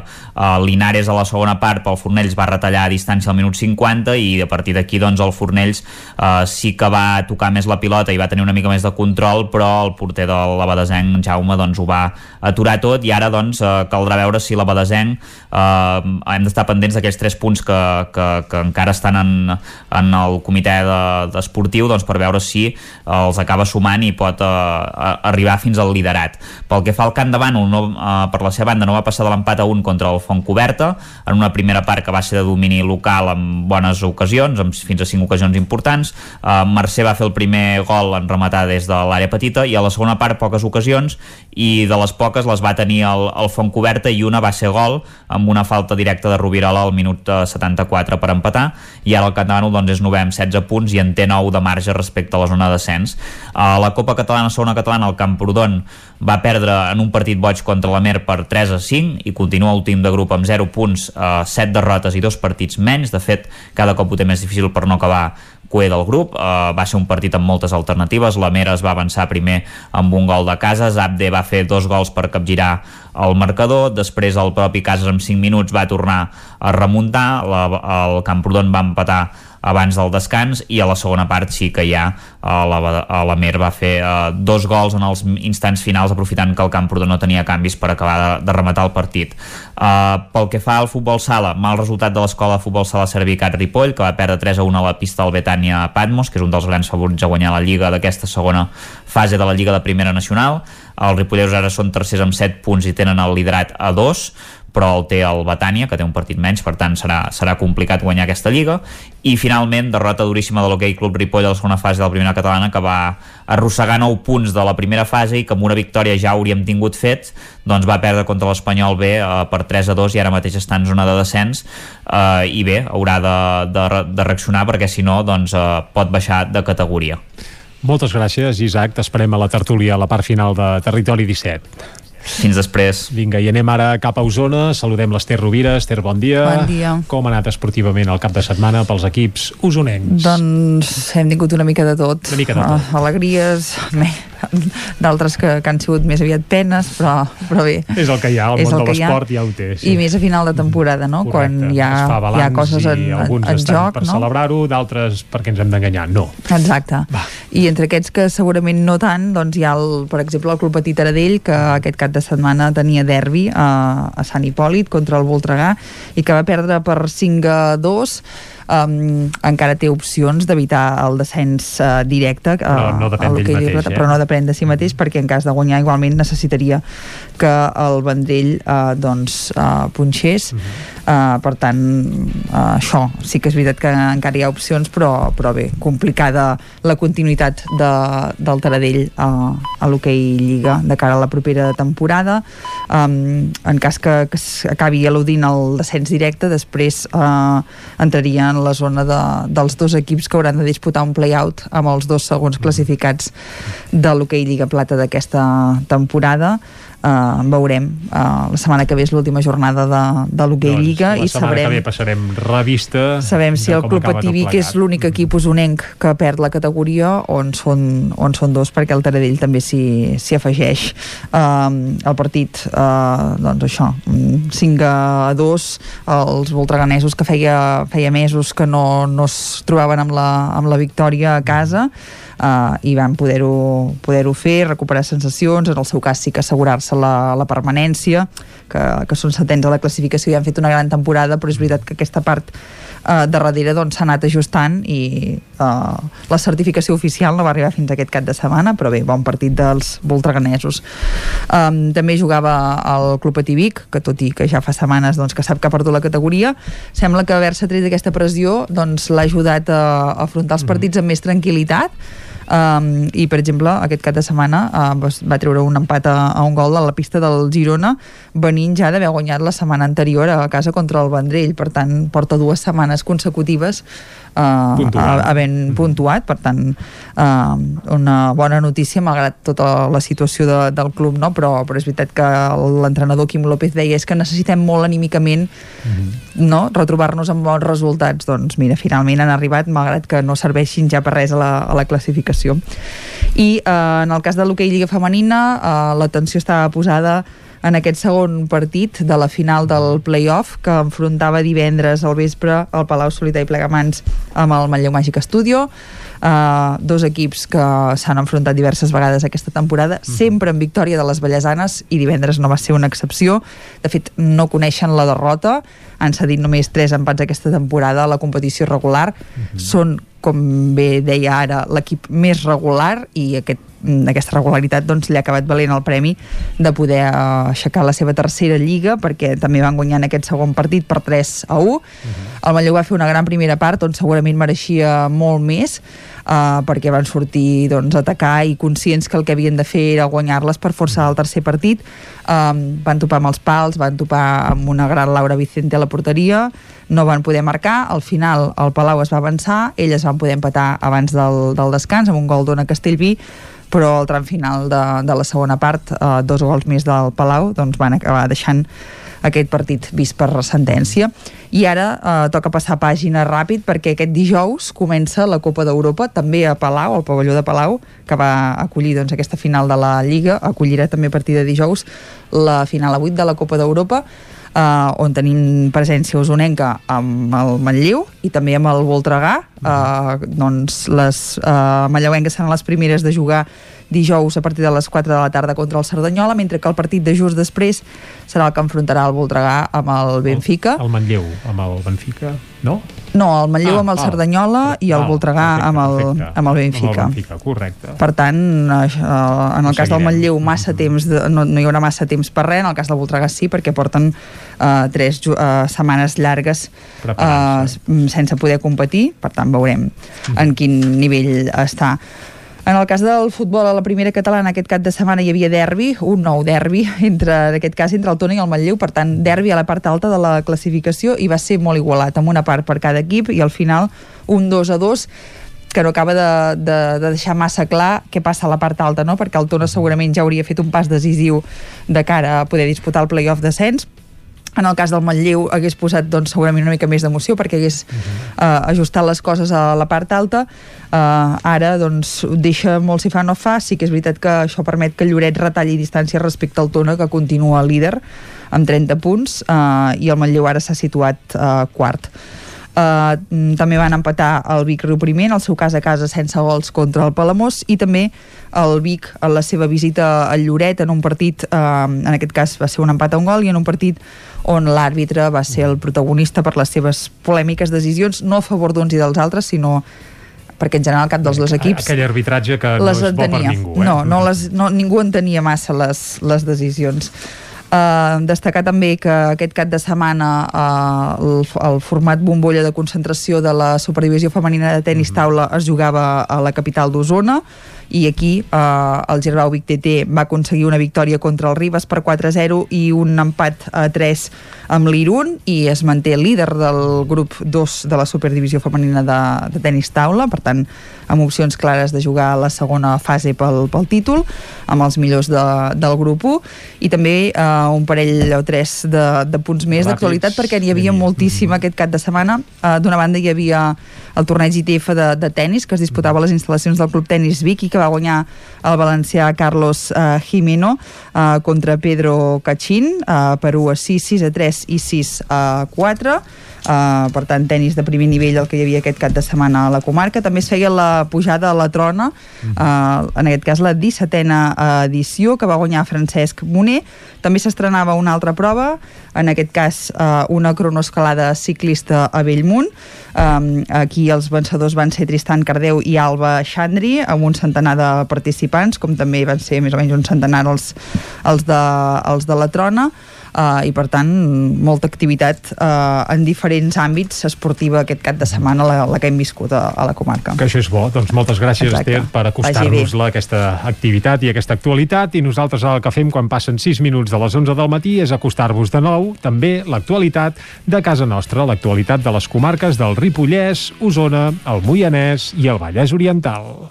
Territori 17, amb Vicenç Vigues i Jordi Sunyer.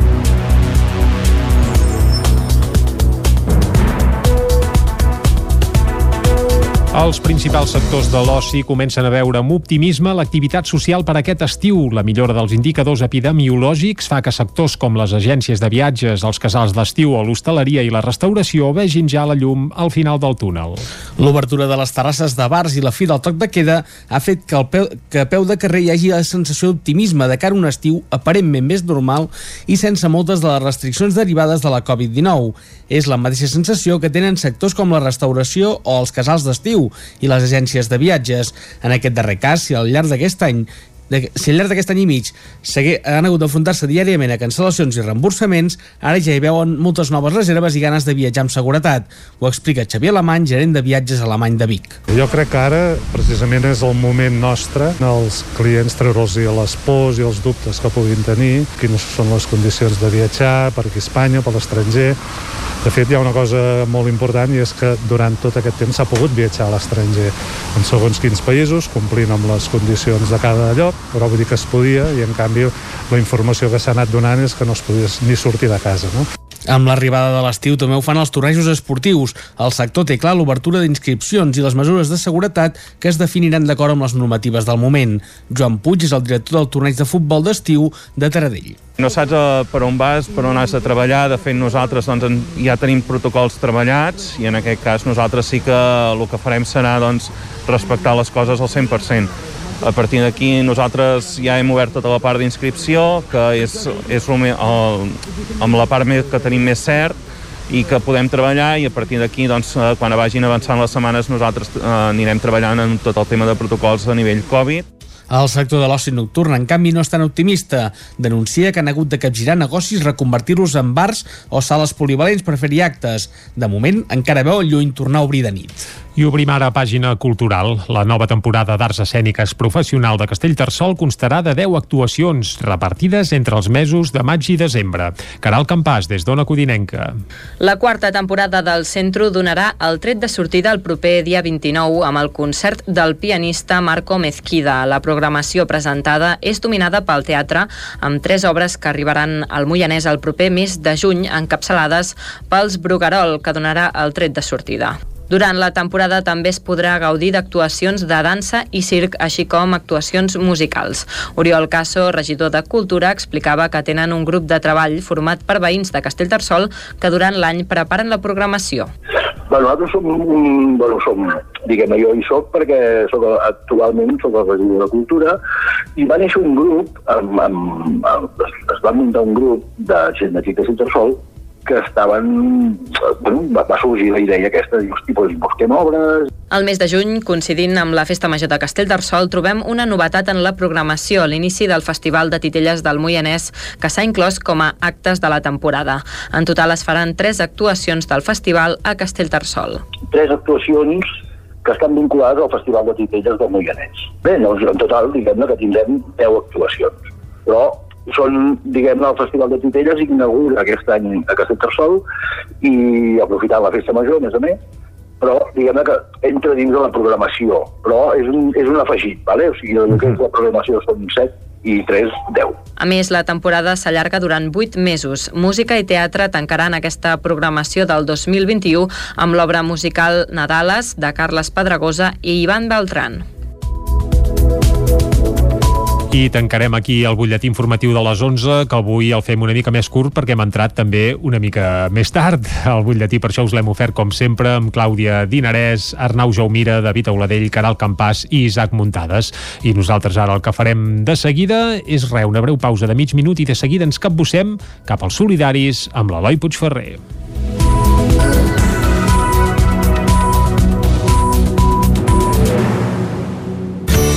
Territori 17. Envia'ns les teves notes de veu per WhatsApp al 646 079 023. 646 079 023. WhatsApp Territori 17.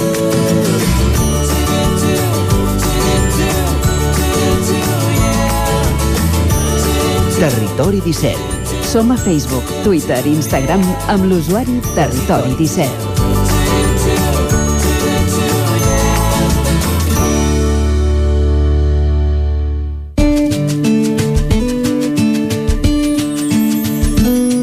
Solidaris, amb Eloi Puigferrer. Doncs quan falten 3 minuts i mig per un quart de 12 del matí, seguim en directe aquí a Territori 17 i és el moment ara dels solidaris. Cada dilluns l'Eloi Puigferrer ens acosta alguna entitat del tercer sector aquí a Territori 17, vinculada sempre amb la solidaritat. Qui tindrem avui? Ho sabem de seguida. Opcions per tirar endavant, encara que sembli que moltes vegades no existeixin, sempre n'hi ha. Malgrat que en molts casos les oportunitats són escasses, amb ganes i força de voluntat es pot sortir de qualsevol situació dolenta. Però és cert que si a més es compta amb un cop de mà, tot es fa més planer i senzill. Aquestes oportunitats poden venir de molts llocs diferents, però si posem la vista concretament a la zona del Nepal, les oportunitats tenen nom i cognom. Options Catalunya Nepal, entitat que centra la seva acció a, precisament, brindar oportunitats als nens i joves que viuen al carrer i que no tenen educació a ciutats com Katmandú. Opcions Catalunya Nepal va veure la llum gràcies a l'empenta d'un grup de persones com la Marta Coromines o l'Ignasi Aromí, presidenta i secretària de l'entitat, però també amb l'ajuda de tantes altres persones i en concret del periodista Carles Capdevila, qui també va jugar un paper clau en tot aquest procés. Avui al programa Solidaris, des de Ràdio Vic i a través de l'antena de Territori 17, coneixerem a fons aquesta entitat, tot seguint el nostre recorregut en cerca de les entitats solidàries relacionades amb la infància d'Osona. Abans d'entrar en detalls, però, cal saber d'on va sorgir tot. L'origen d'Options doncs, és una colla de persones que anem a visitar el Nepal. Moltes d'aquestes persones són professors de la Universitat de Vic, de fet l'Ignasi i jo som professors de la universitat i mm, allà doncs coneixem la realitat del Nepal. Això estem parlant del 99 fa un temps ja. Coneixem la realitat del Nepal ens adonem que és molt dura i a la tornada, quan tornem aquí, doncs ajunt, ens ajuntem d'una manera casolana, en, més aviat entre amics. Eh? Ens ajuntem eh, per eh, recaptar recursos econòmics per persones que hem conegut allà que volen anar a l'escola i no hi poden anar, perquè al Nepal l'escola, eh, l'educació no és obligatòria. Llavors tu si, si tens diners vas a l'escola i si no en tens, si ets un nen que la teva família no té diners, doncs pots voltar pel carrer i ningú tirar res i doncs neix aquí. Al cap d'uns anys eh, l'empenta en aquesta associació la va donar en Carles Capdevila, que el periodista Carles Capdevila, un amic nostre, que també es va posar amb aquests grups, de, perquè hi havia com diferents grups d'ajuda, doncs es va posar també amb aquests grups i en un moment va dir hem de crear una associació per fer tot això que estem fent casolà i que és molta feina, tot això ho hem d'aprofitar i fer una associació i registrar-nos a la Generalitat i poder arribar a més gent i a fer més coses nosaltres al, al proposar-nos això en Carles ens vam animar molt perquè vam pensar que amb ell al capdavant doncs aniríem molt bé i vam dir que sí. I vam crear Options, que el nom el va triar en Carles també, Options en anglès això ve d'un nen del carrer que sempre troba opcions per sobreviure perquè si vius als carrers de Katmandú has de trobar opcions contínuament per, per sobreviure. I ell sempre parla d'options i de que sempre hi ha una opció i si t'encalles et diu va, options, options, que, que sempre hi ha opcions. O sigui, en Carles Sibi aquesta història va dir la, la, la nostra associació li direm options en honor d'en Mahesh, que és aquest nen que ara ja és un jove un jove de 29 anys um, i li direm Catalunya-Nepal, perquè com que tant farem accions educatives, el nostre terreny era aquest, tant, és aquest, tant educatives a Catalunya com al Nepal, doncs ja va quedar el nom. Aquesta ajuda en un país com el Nepal és molt necessària, sobretot per combatre la violació de drets que es viu al carrer i per ajudar a totes les persones que ho necessiten.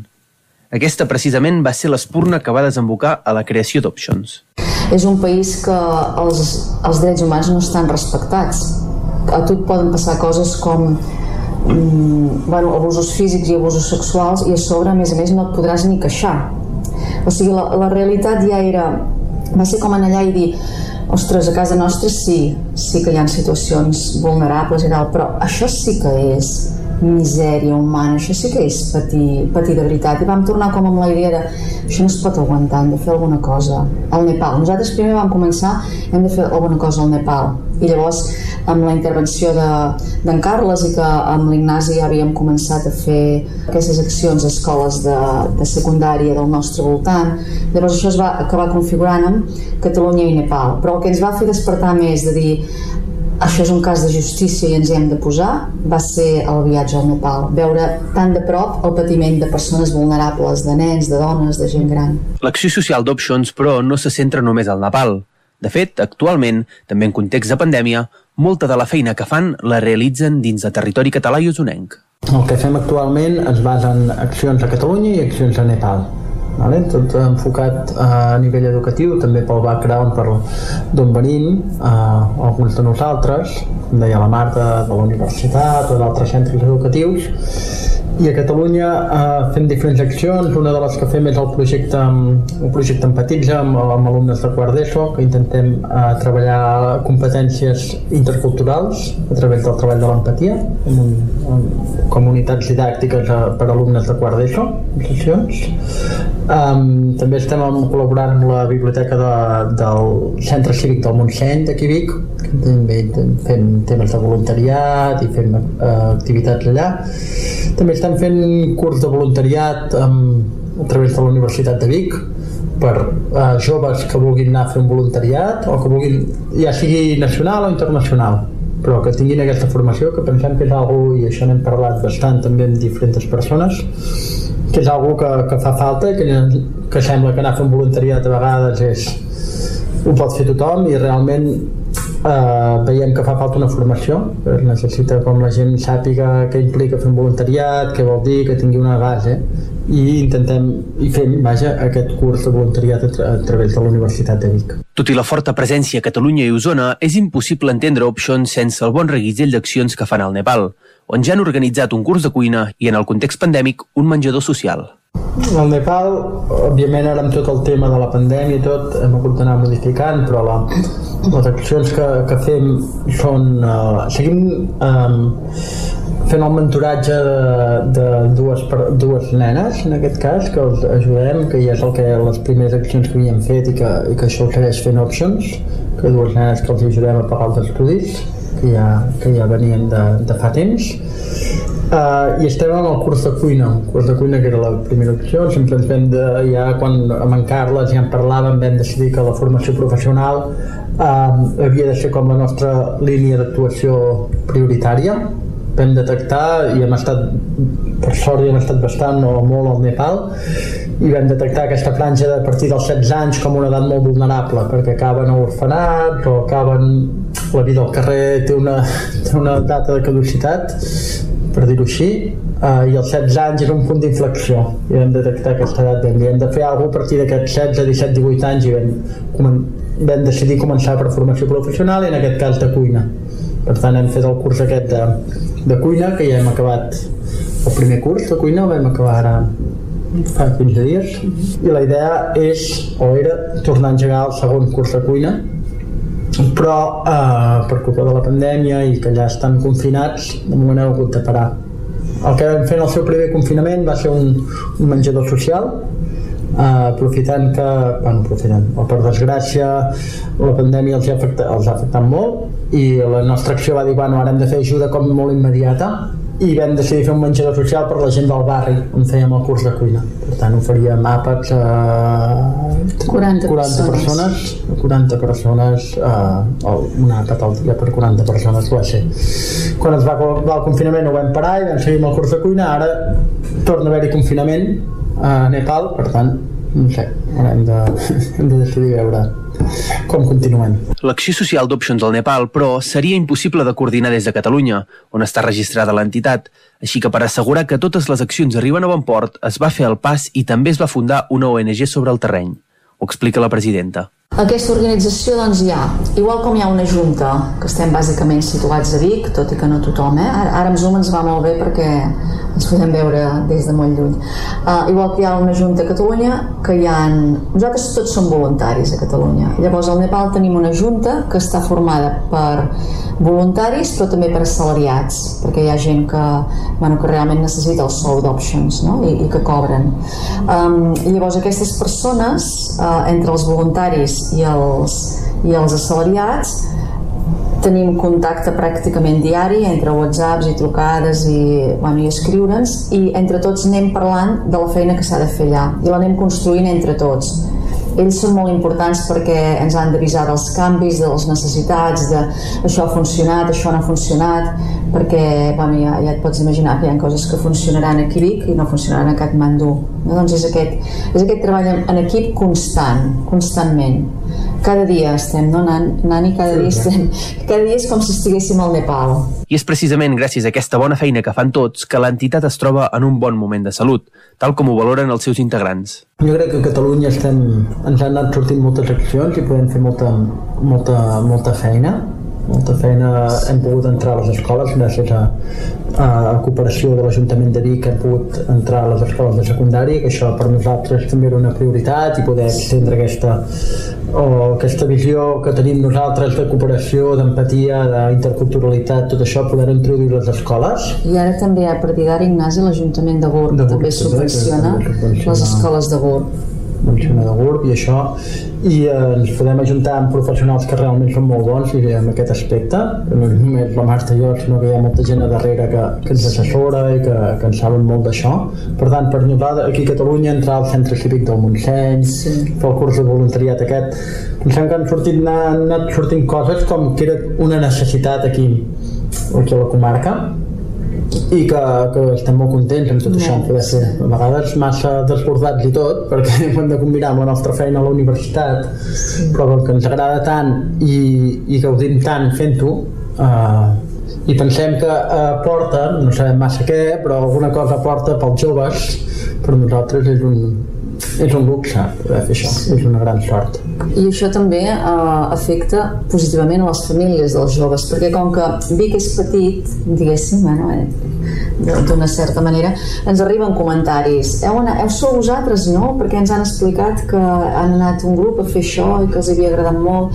Vull dir que la idea seria que empatitzar, no? crear empatia amb els joves, però aquests joves la poden transmetre també a les seves famílies.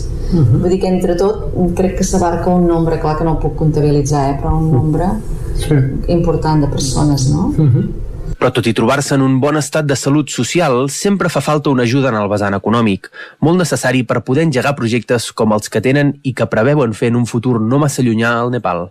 Nosaltres tenim socis i sobrevivim de les, de les, del que paguem els socis cada any i com que això no ens dona, perquè encara som una entitat encara petita, llavors fem, fem uh, aquestes iniciatives com la Panera. Estem creant un crowdfunding, que és per trobar diners. Aquest crowdfunding el destinem a quatre noies i un noi que han acabat secundària i volen fer batxillerat i no poden a causa de diners eh, per culpa dels diners. I estan vivint en un orfenat. L'orfenat Snowman Jujri i el lama és un lama budista el lama Dundub que porta aquest orfenat eh, és també de l'associació de la Junta d'Options al Nepal i, i és un, un, un orfenat on nosaltres hi portem alumnes de la Universitat de Vic a fer pràctiques cada any, o sigui que hi ha molta col·laboració. Nosaltres coneixem aquests nens i aquests diners del crowdfunding no aniran directament a Options, sinó que aniran al batxillerat d'aquestes cinc persones. També tenim un teaming, teaming que, que també hi ha gent que se'ns apunta si t'apuntes al Teaming Options Nepal llavors dones el teu número de banc i el Teaming cada mes et treu un euro que això ho vam fer pensant en gent jove que potser no, no tenen molts diners però un euro al mes sí que el poden destinar. I aquest, també, aquest teaming estava pel menjador social. El que passa que de moment com que tenim pocs teamers el menjador social no el podem tornar a engegar. Però per nosaltres es tracta de socis ens aniria bé recaptar més socis i on els socis no arriben doncs hem d'anar fent iniciatives.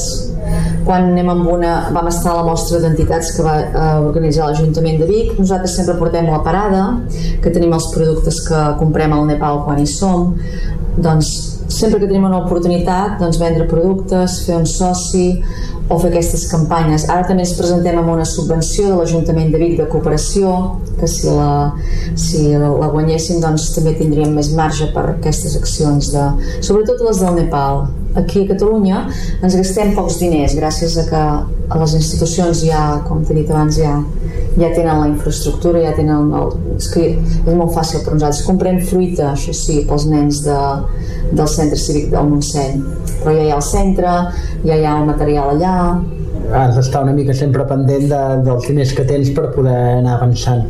Si tinguéssim una base ja una mica més sòlida, sortiria això i que pogués créixer el projecte del Nepal, de poder fer curs de cuina i ajuntar-ho amb algun altre curs d'acadèmia de fusteria, d'infermeria, coses que ens demanen els nepalesos, perquè per demanda n'hi ha. Sempre que balla entre Catalunya i el Nepal, Options suma ja més d'una vintena d'anys vetllant pel compliment dels drets al país asiàtic i, sobretot, donant oportunitats als més desafavorits perquè puguin sortir per si mateixos de la mala qualitat de vida que tenen. I és que, en essència, moltes vegades l'única cosa que fa falta és una empenta i un cop de mà que et faci tirar endavant i que et doni l'opció de sortir de la misèria. I donar oportunitats és, precisament, l'especialitat d'Options Catalunya-Nepal.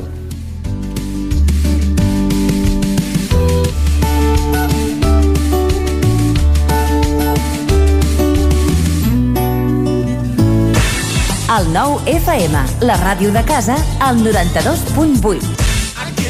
Amb Pradell estalvio energia i cuido la meva butxaca i el medi ambient. Posa't en mans de Pradell. Són experts en calderes de gas i condensació, estufes de pèl·let, energia solar, terres radiants, geotèrmia i aerotèrmia. Pradell instal·la calderes de biomassa per a particulars i per a empreses. Si vols estalviar un 50% en consum, contacta amb Pradell i passa't a les energies renovables. Pradell som a l'Avinguda Països Catalans 27 de Vic.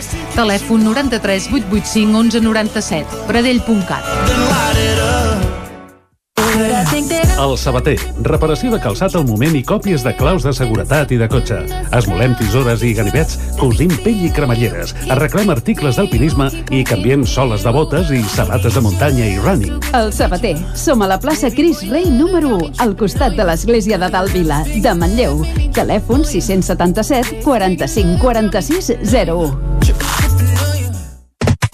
Pintures Xevi Soler. Tot en pintures. Façanes, obra nova, rehabilitacions interiors de vivenda, estucs, microciments, pintura industrial, motllures, terres vinílics... Pintures Xevi Soler. Ens agrada assessorar-vos i fer de casa vostra el millor lloc del món. Ens trobareu a Manlleu, al carrer Sogorb 113, telèfon 616 15 87 33 o 93 851 3504. El nou FM. Cobertes serveis funeraris. Els nostres tanatoris estan ubicats en els nuclis urbans més poblats de la comarca d'Osona per oferir un millor servei. Tanatori de Vic, Tanatori de Manlleu, Tanatori de Centelles i Tanatori de Roda de Ter.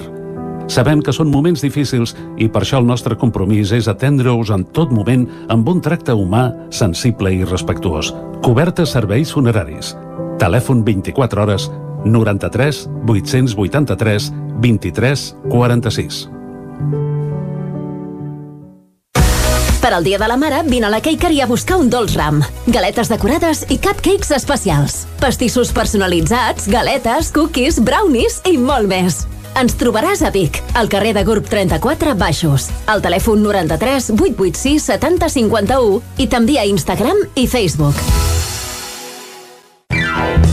Xalant Moda i Complements. Nova temporada primavera-estiu. Moda home-dona, nen-nena, sabates, bosses de mà, maletes, complements i molt més. Vine a veure, ens trobaràs una secció d'ofertes amb roba de la temporada passada a 10 euros i 19 euros. Vine a Can Xalant, ens trobaràs al carrer Sant Tomàs número 6 de Call d'Atenes. També a Instagram i Facebook.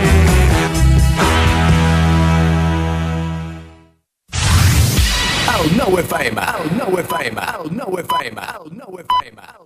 nou FM. Música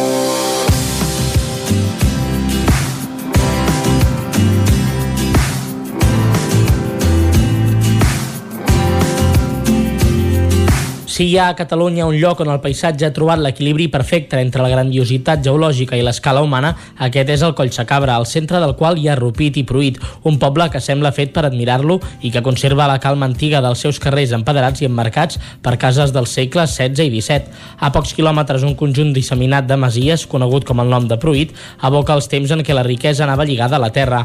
La seva situació ha fet de Rupit i Pruit un lloc idoni per buscar la calma a través de la bellesa tranquil·la d'un altiplà que ofereix indrets com el Salt del Sallent, Sant Joan de Fabregas i petites edificacions romàniques disseminades per la muntanya. Visitar Rupit és ni visitar un poble integrat en el paisatge.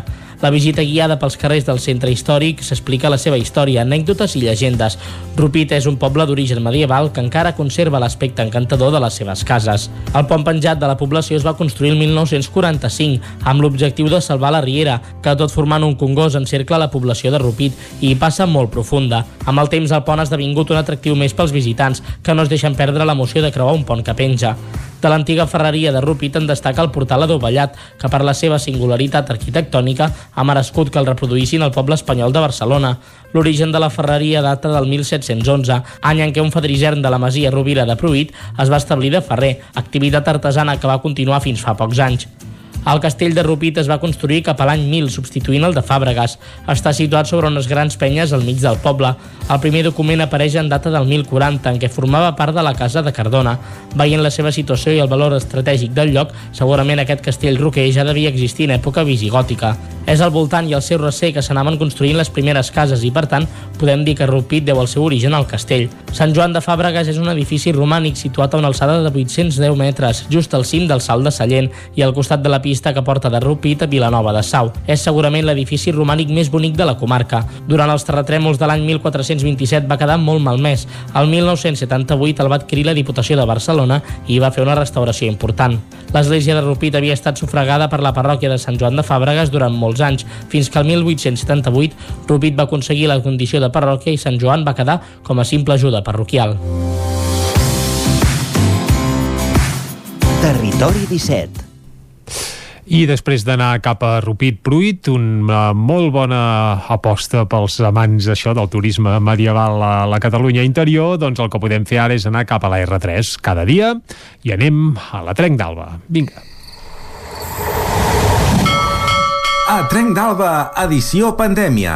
Ara sense els usuaris que ens explicaven les seves desgràcies a la R3, però amb els mateixos retards i problemes de sempre. Benvinguts a Tren d'Alba. Doncs bé, que sapigueu que l'estació de Parets del Vallès fa més goig que mai després que se n'hagi renovat la senyalística i s'hagi millorat l'aparcament i els accessos a l'estació. Això és un punt positiu per Renfe, evidentment, però ja sabeu que els usuaris són molt exigents, com ha de ser, perquè per això paguen un bitllet amb un servei de transport públic decent. Doncs resulta que encara que hi hagi hagut millores a Parets, hi ha un usuari que es queixa de la lentitud de les obres de rehabilitació de la façana i la coberta de l'edifici d'una altra estació, la de Vic, que estan adjudicades des de l'octubre i amb un termini de 7 mesos d'execució, però que no se sap quan començaran. Home, com a mínim, si haguessin començat quan tocaven, ara ja estarien acabades des de fa un mes si feu números. Hi ha un altre usuari que diu que les estacions ja poden ser ben maques i senyalitzades, que ara només falta un bon servei de trens amb puntualitat, comunicació amb els usuaris dins i fora dels trens, responsabilitat de les incidències i un llarg etc que tampoc completarem perquè si no les seccions duraria tot el programa d'avui i bona part del de demà. Va, ens retrobem demà amb més històries del tren i de la R3. Territori 17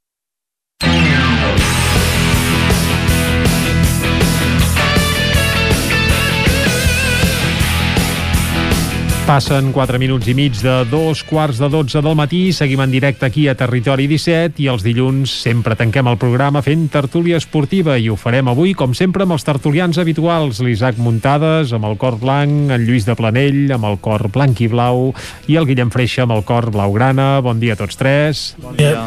I avui hem de començar Bon dia. felicitant l'Atlètic de Madrid, que s'ha proclamat campió de la Lliga de Primera Divisió, i el primer que us vull ja demanar a tots tres és és el mereixedor guany, és a dir, és el digne uh, mereixedor d'aquest trofeu uh, vosaltres creieu que és just que l'Atlètic s'emporti aquesta lliga? Home, jo crec que sí, sí, sí. absolutament sí. per les jornades que ha estat líder i de totes maneres és la, la Lliga que sembla que no volia guanyar ningú Sí, el Barça no ha semblat que l'ha llançat, sobretot aquestes darreres jornades, tenint sí. en compte com havia arrencat tot, i el Real Madrid, ara ens ho explicarà l'Isaac Muntades, també semblava que, sí. que li feia cosa gairebé. Eh? No, en una temporada mm. marcada per la excepcionalitat i també, no sé si dir mediocritat, perquè és un adjectiu molt, molt dur, però... Eh, Però ja el pots deixar anar, ja. Sí, però per un, un nivell que segurament no és el que ens tenien acostumats aquests, eh, sobretot els tres grans clubs eh, de, de, de, de la Lliga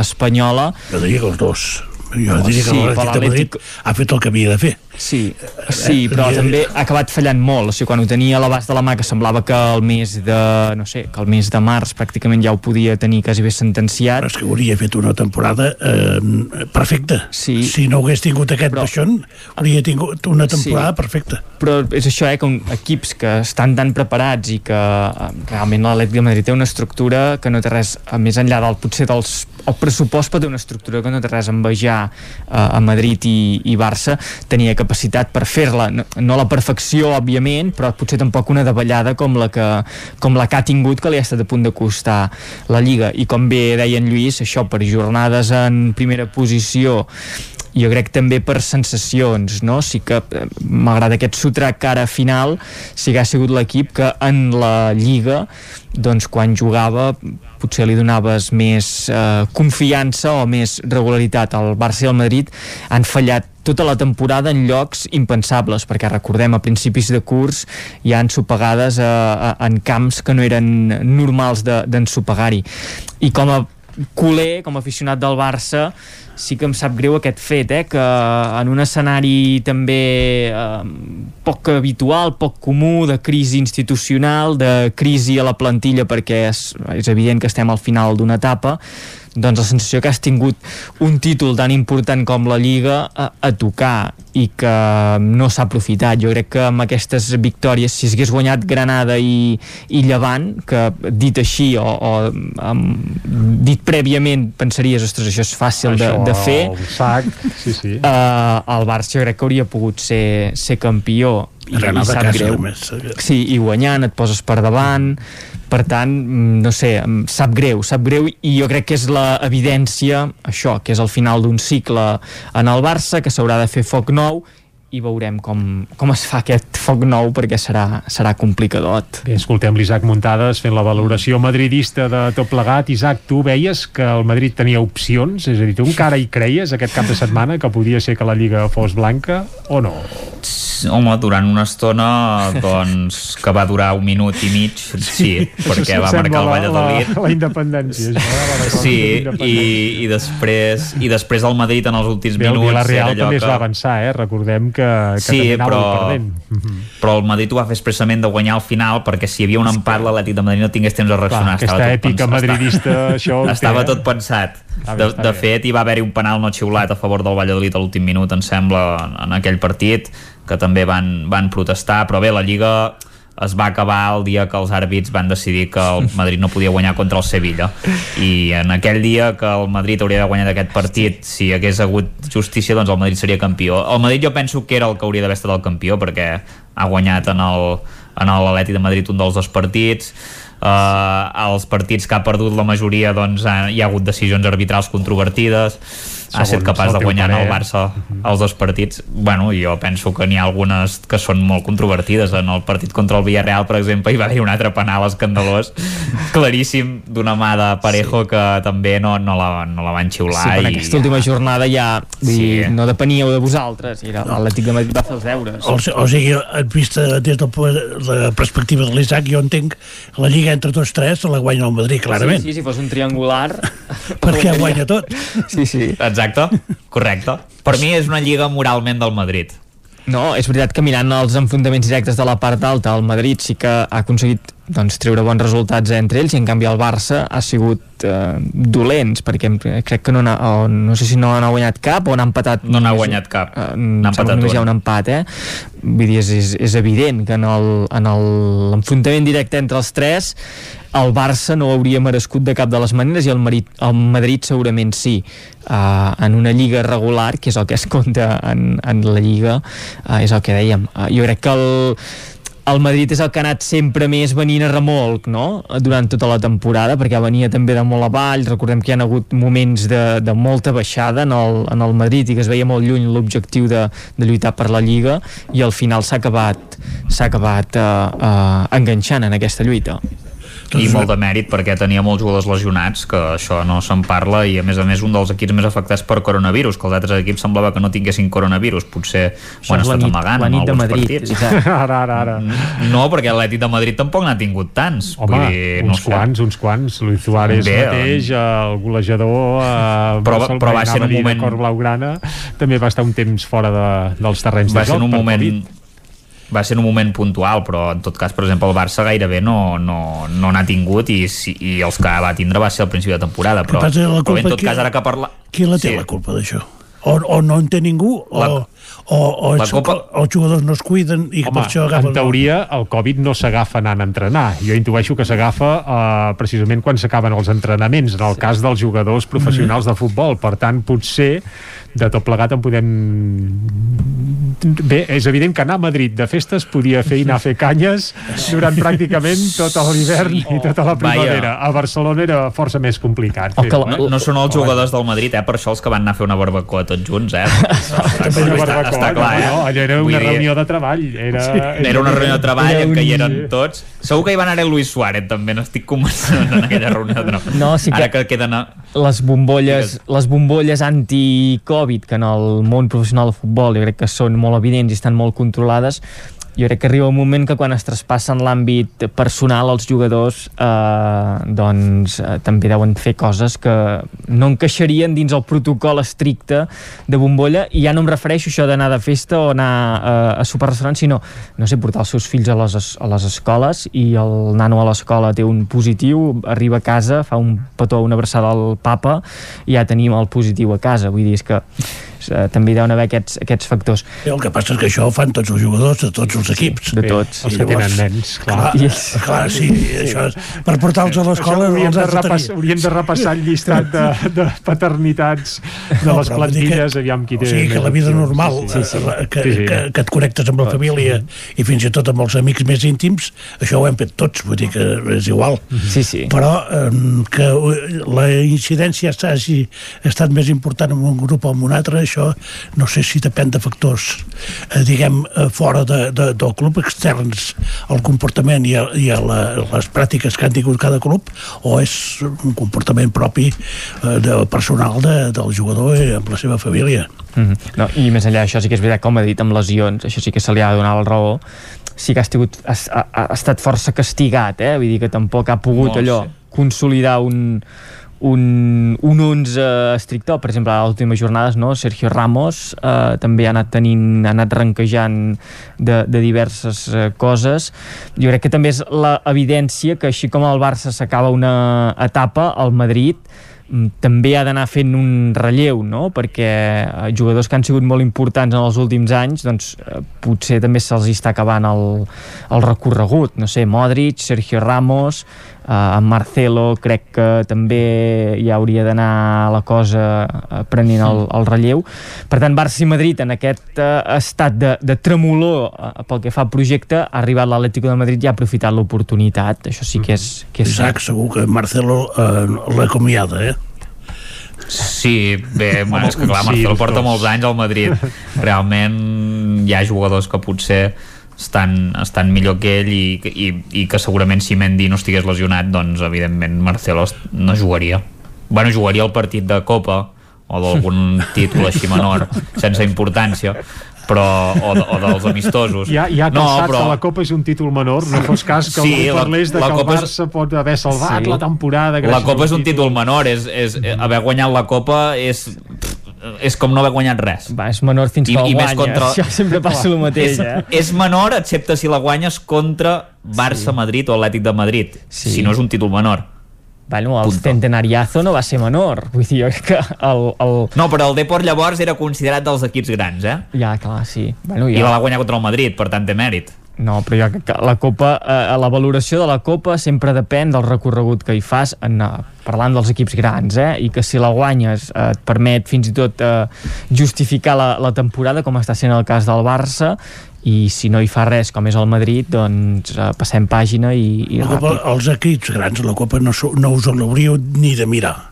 Bueno, però... o sigui, no. deixar- deixar-la de banda, agafar els No. equips B que, que els eliminin a les primeres rondes No. i deixar la Copa del Rei per altres equips No. que te- tenen gairebé impossible guanyar cap títol. No, perquè hi ha, hi ha fets, com per exemple eh, triplets històrics eh, que ha aconseguit el Barça, que si es hagués llançat la Copa no podríem parlar de triplets històrics, i es va aconseguir. I aquesta temporada, eh, crec que fins a, com a mínim fins a semifinals, el Barça, a semifinals de Copa, el Barça estava viu a la Champions i a, la Lliga, per tant, aquesta possibilitat del triplet, tot i que era remota, haig de... de Sí, matemàticament hi era. Sí, sí. hi era, vull dir, podia passar per tant, llançar títols, ostres, jo crec que no, no, no estem per, per llançar títols i, i No, no, però aquesta de temporada que no guanyeu res, sí, és clar. bueno, eh, és això que diem, eh? una temporada de transició que de, de ben segur s'allargarà una mica més, perquè eh, i el mateix del Madrid, eh? Bé, el Madrid sí que tancarà la temporada en blanc i mai tan Sí. ben dit, que feia temps No, que no passava gua- això, eh? Va guanyar la Supercopa de, de bàsquet.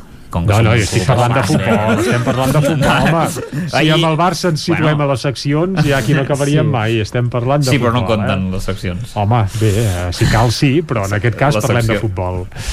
No, dilluns que ve t'ho direm amb la Copa d'Europa de, del bàsquet No, Blaugrana. penseu que penseu que farem un torneig així de un triangular amb l'Inter i el Bayern i guanyarem el trofeu i ja està, ja no acabarem amb l'any No, però sí que, sí que aquesta temporada en blanc sí que segurament a, nivell, per exemple, de Zidane, no? que tot i potser no haver fe, fet grans temporades a nivell de joc sempre havia sumat títols no sé si és un punt d'inflexió no? en, en, en la seva trajectòria i també en el seu futur al, al Madrid que és un... home ara Zidane se'n va de vacances una setmana em Que sembla i no em després diguis diu que, que veus a Zidane l'any vinent seient a la banqueta del Madrid, Isaac.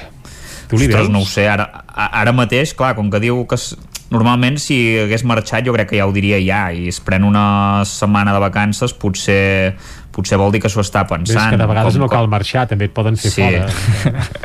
sí, però no crec que el facin fora, eh? Jo crec que Zidane està bastant consolidat, sobretot per la directiva, eh? I Florentino és el seu gran valedor i i és un entrenador que de moment precisament va haver de marxar ell la primera vegada, no, no el van fer fora vull dir, no, no ho tinc molt clar és com, és com en el cas de Bale, que va dir que ja sap el seu futur però que no ho dirà ara perquè no vol que es converteixi tot això en una bomba, que ho dirà després de l'Eurocopa o sigui que jo no sé exactament si és que tornarà si és que, si és que no, si és que anirà amb un altre equip vull dir que, o, o ara Hazard que diuen que vol marxar, que no està a gust bueno, Bé, el futur doncs, de Zidane penja d'un sí, fil sí. i abans d'acabar la tertúlia també volia parlar del futur de Koeman, eh?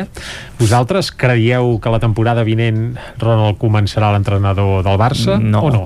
Jo crec que no. Guillem, jo, jo clar, ho veig eh? molt simple. Si el Barça té calés, no. Sí, bueno, esclar. I si no té no, calés, sí. Calés no en té. Això és evident perquè els números són els que hi ha sí, però, i no cal si pas amagar-se'n. Eh? Si és veritat que li han de pagar 8, 8 milions per, per acomiadar-lo, uh mhm. -huh. eh, més el nou entrenador, jo veig difícil que, sí. que el Barça pugui fer-ho.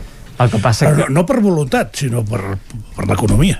Sí, el que passa que és, és complicada eh, la decisió perquè què, o sigui, què faràs? No pagaràs ara els 8 milions que li has de pagar de rescisió, muntaràs un projecte en el que segurament no hi acabaràs de creure o que potser no t'encaixaran les necessitats que et demana Koeman amb el que com a club es, es vol començar a, a demanar. Al final perquè potser mitja temporada que ve vagi la cosa malament i hagis d'acabar pagant no, no tanta quantitat però també una, una quantitat eh, important no sé, jo crec que el Barça ara intentarà rascar d'on sigui eh, la rescisió i mirar de fer foc nou. Jo, jo tinc molt assumit aquest fet, eh? Amb una temporada o, o fins i tot potser dues, perquè ara la situació econòmica és, és molt delicada, que el Barça eh, s'haurà de tenir molta paciència i que no se li podrà exigir eh, anar eh, davant de tot eh, a tope i jugant fabulosament i amb jugadors eh, de primeríssim nivell mundial. Però els que no teniu paciència sou, sou els colers, eh? Sí, sí, però jo per això eh, eh, faig autocrítica eh, i dic ja que l'aficionat aquesta dosi que l'aficionat de, del Barça de realisme, eh? ha de ser conscient que amb, les, amb la situació, amb l'escenari que hi ha, uh, venen temps magres, venen temps complicats i que s'haurà de tenir paciència i que potser la temporada que ve et mouràs entre la no sé, entre el tercer, el quart lloc, com va passar, torno a repetir, eh, en la primera etapa de la porta. Perdona, el tercer i quart lloc, i qui hi haurà primer i segon? Bueno, a l'Atlético, al Madrid, Oh, ja està. Sí, i el, el Barça. Sí, Clar, sí. que no hi ha més. Exacte. Vull dir que potser no podràs... Sevilla, déu nhi aquest any... En l'imaginari de, de l'última dècada, el Barça, eh, ostres, moltes temporades ha estat a dalt i amb una distància de punts impressionant respecte a la resta. Sempre hi havia el Madrid que potser s'hi enganxava, però amb una superioritat en la Lliga força evident i que això jo crec que l'any que ve no podrà ser perquè s'estarà construint un nou projecte i que s'hauran de mm. fitxar jugadors que no seran en Haaland i en, en Kanté del Chelsea que són super mega consolidats. I sembla que Eric Garcia vindrà segur Val, que el Kun Agüero també ve una jove sí, promesa també amb rols diferents. sí, sí amb rols diferents i amb Messi veurem quin rendiment se li acaba traient eh, en el sentit de si es queda eh, amb quina fórmula es quedarà i, i quin rendiment ens donarà perquè no és en Messi dels 23 anys. I tota aquesta línia potent de Jordi Alba, Busquets, Piqué eh, Sergi Roberto que fa tants anys que estan al club doncs també serà de veure si s'hi queden o si aquí hi ha una sacsejada més important i si hi ha una sacsejada hauran d'entrar nous jugadors per tant és, és complicat jo crec que venen setmanes distretes a, el nom de Xavi estarà sobre la taula vosaltres creieu que és qui té més números ara mateix per estar a la banqueta a partir d'això, de, de l'estiu? el que ho sap és ell segur sí. o sigui, ell sap si es pot ficar allà dintre sí. o, o no perquè... o no, poder Rai eh, segur no, no. que li posaran eh, si vol, no? catifa no, no, no, eh? però si, o sigui, si es pot ficar allà dintre és perquè li convé, sí. evidentment. Vull dir que si, si no ho accepta o si, si no ho agafa és perquè veu que la situació en aquests moments no és l'adequada per, per començar un projecte com, en principi, sembla que hauria d'iniciar en, en, en Xavi. O sigui, no, no, no pot ser que, que aparegui això, com, com has dit, amb una temporada de transició i perquè Bueno. no tenim calés i hem de mirar aviam què fem amb els veterans Mm. i, i aviam què podem fitxar i què no podem si les estrelles aquestes que voldria que vinguessin com, com Haaland doncs no poden venir per, per, per, per l'economia i llavors Sí, en Xavi li interessa, li interessa que fa el projecte ara o s'estima més fer-ho d'aquí dues Bé, o tres i o a quatre més, moltes temporades d'aquestes vaques sagrades a les quals feies referència abans, Guillem, parlaves de Jordi Alba, Mhm. de Sergi Roberto, són jugadors que han jugat amb Xavi, Sí. que són, suposo, bons amics, Amics. si més no coneguts, també eh, ha de ser molt complicat aterrar allà i fer, entre cometes, fer fora o Neteja. dir que vols fer foc nou amb amics teus. Sí, és que és això, eh? Uh, en un vestidor on tu has sigut uh, company de, això, de, de terreny de joc i que segur que tens moltes vivències compartides. Clar, en el cas de Eh, Messi, aquest- jo no hi veig, entre cometes, és un, no hi veig problema perquè menja part, eh, en aquest Sí. sentit, i si es queda, es queda, i no hi hauria pas debat. Però clar, amb tots aquests altres noms... Sí, que seria... Digue-li digue a en Piqué, eh, noi, eh, mira, tu hauries de, Comptem amb tu. de, de, de començar a marxar. Jo crec que Piqué però seria dels més fàcils de, de convèncer, eh? De dir Piqué, tu, se t'ha acabat i que ell mateix, eh, jo crec que ho assumiria molt bé perquè és un jugador que més enllà del futbol té moltes inquietuds i moltes sí, coses. prou. I potser no la Copa seria el primer que posaríem en una llista No. de, de jugadors que haurien de fer fora, tenint en compte com està la defensa blaugrana, eh? i sobretot a la posició de centrals. Ara central, el central de la- de l'Andorra també quedaria bé, en Piqué. Oh, i tant, Bueno. home, fantàstic. I tant. Sí, sí, segur. De fet, és el propietari, s'hi pot posar ell mateix, Sí, es pot sí. posar a fer d'entrenador-jugador, pot fer, pot fer el que vulgui. I qui porti l'Um- l'Umtiti ja, que mig camí de França Ja, exacte. farien una, Sí, que el retrobi pel futbol, que, clar, home. impressionant No, eh, jo el problema que li veig al Barça és, i fins i tot al Madrid, eh, el, el Madrid amb Haaland, eh, és treure's aquests jugadors eh, que, que... Clar, és que més que fitxar, el tema és a qui treus. Treure jugadors Bueno, que... Madrid, a qui jo- treus i com els treus, perquè clar, regalar jugadors com es va fer la temporada passada amb Luis Suárez ja s'ha vist sí. què, què acaba passant Exacte. i a més sense treure'n pràcticament cap rèdit econòmic Sí. uh, I ja sé és que complicat a, a nivell de despatxos no compta, però en el cas de Luis Suárez també hi ha el valor sentimental, no? que és un jugador que sí que havia eh, quallat, que hi havia cert vincle amb l'afició i que ha fet mal, diguem, de veure a Luis Suárez realment mm, tocat dient, ostres, és que em van, em van, Em van menystenir, fer igual, fora, menys tenir i aquí he pogut demostrar doncs, que encara vaig fent gols i encara jugo. També és veritat que si repassem eh, ens queda la nostàlgia del gran Luis Suárez, eh? però en les últimes dues temporades Luis Suárez també havia baixat molt el rendiment pel que és un davanter del, del Barça eh? i que l'Atlético de Madrid segurament ha rendit a un nivell que ni l'Atlético de Madrid s'esperava. Això també s'ha de dir, eh? que, que ha sortit la jugada molt malament pel Barça i molt bé per l'Atlético de, de Madrid. Però sí, sí, és evident que regalar jugadors mmm, bueno, t'estalvies la, la fitxa, però... No, I si el regales perquè van a jugar als Estats Units o a la Sí. Lliga Xinesa Exacte. o, a, bé, Que ja o a l'Aràbia Saudita dius fantàstic, però clar, si el regales Sí. per enfortir a més a més els teus rivals Sí. eh, és, És que és culpa del perillós. Barça que l'Atlètic de Madrid hagi guanyat la Lliga. És Sí, culpa no? vostra. Bé, culpa Ho o heu fet mèrit, expressament. tothom posi el- el- l'adjectiu que vulgui. Però, per exemple, hi ha el cas de Griezmann, que jo crec que és un dels jugadors que està a la pista d'enlairament eh, en primeres eh, posicions i tornem a estar en això, a on anirà a jugar Griezmann? Si te'l treus perquè se'n va jugar al Paris Saint-Germain o, jo sé, al Bayern de Munic, doncs eh, serà una cosa. Si te'l treus per anar a jugar, eh, que torni a jugar a l'Atlético de Madrid o al Real Madrid, doncs igual et complica... De totes maneres, el, el que deien els diaris del Barça que proposava l'Atlètic de Madrid canviar Griezmann per eh, en Joao Sí. això deu ser una, una innocentada de, del mes de maig, no? Perquè Home, ara n'hi haurà unes quantes més, Sí, perquè els diaris esportius s'han d'obrir i omplir Madrid, cada dia això, i clar, no, l'Atlètic de Madrid això és, és com prendre el Sí. pèl, no? no, això t'ho haguessin firmat potser el mes d'octubre passat, quan encara quedava molta lliga per endavant i, i encara no es veia l'evolució, però ara mateix, tenint un jugador en progressió com és Joao Fèlix o un altre com és Griezmann, que no està al final de la seva carrera, però sí que eh, ja ha donat eh, bons anys en el futbol professional, doncs jo crec que no és un, un canvi que, que es pugui posar sobre la taula, a no ser que a més a més hi hagin diners pel mig, que el Barça pagui, però que no crec que, que sigui De totes així. maneres, avui diu als vostres diaris que Els nostres diaris. Digues, digues. El Barça vol sis jugadors del planter de, de, de la Dani Harke. De l'Espanyol? Sis. Ah, sí? I de, de, hi ha de categories importants o estem de, parlant? Del B i algun de, del darrer any de juvenil que ha jugat també, també molt bé. Uh Mhm. -huh. Vull dir que, com, com sempre, doncs, aneu formant jugadors. Sempre, sempre robant, eh, Lluís? Sí, és que és, és increïble, això. Home, també tenim uns Sí, quants any, noms eh? que han passat, o són encara l'Espanyol, que també han passat per les plantilles inferiors del Barça. Ja Ja els heu fet casos. fora. Nosaltres no els fem fora. O de tot, Nosaltres ja en, ens els pispeu. No, el tema dels planters és, és, jo crec que és molt complicat eh, de- d'analitzar, perquè en categories petites, va, traspassos entre Barça i Espanyol, n'hi han bastants de jugadors que Però jo, anat... o sigui, els traspassos és una cosa. Bueno, si o- o intercanvis. Si el Barça no en vol un uh -huh. i ens el quedem nosaltres, molt bé. Però eh, si nosaltres en volem sis, entre, entre els que, molts que volem, n'hi han sis sí. que el Barça ens vol pispar perquè el, els hi, li fa il·lusió.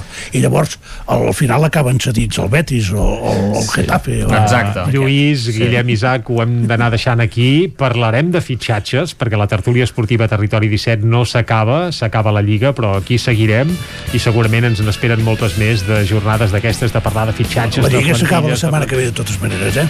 Bé, a la, Amb a la de segona. Amb el Bé. Girona, eh, també, que Va. aquí hi ha interès, eh, aquí. Va, la setmana que ve parlarem del Girona i de l'Espanyol. Això ho deixem, ho deixem escrit i dit aquí a Territori 17. Moltes gràcies a tots tres i nosaltres ara ja enforquillem la part final del Territori 17 d'avui que servirà per acomiadar-nos. Això sí, desitjant retrobar-vos demà, com sempre, des de les 9 del matí i fins a les 12 del migdia. Fins llavors, salut i que vagi molt bé. Adeu!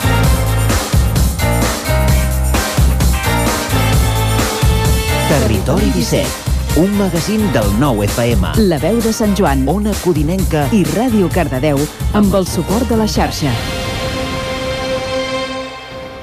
El nou FM.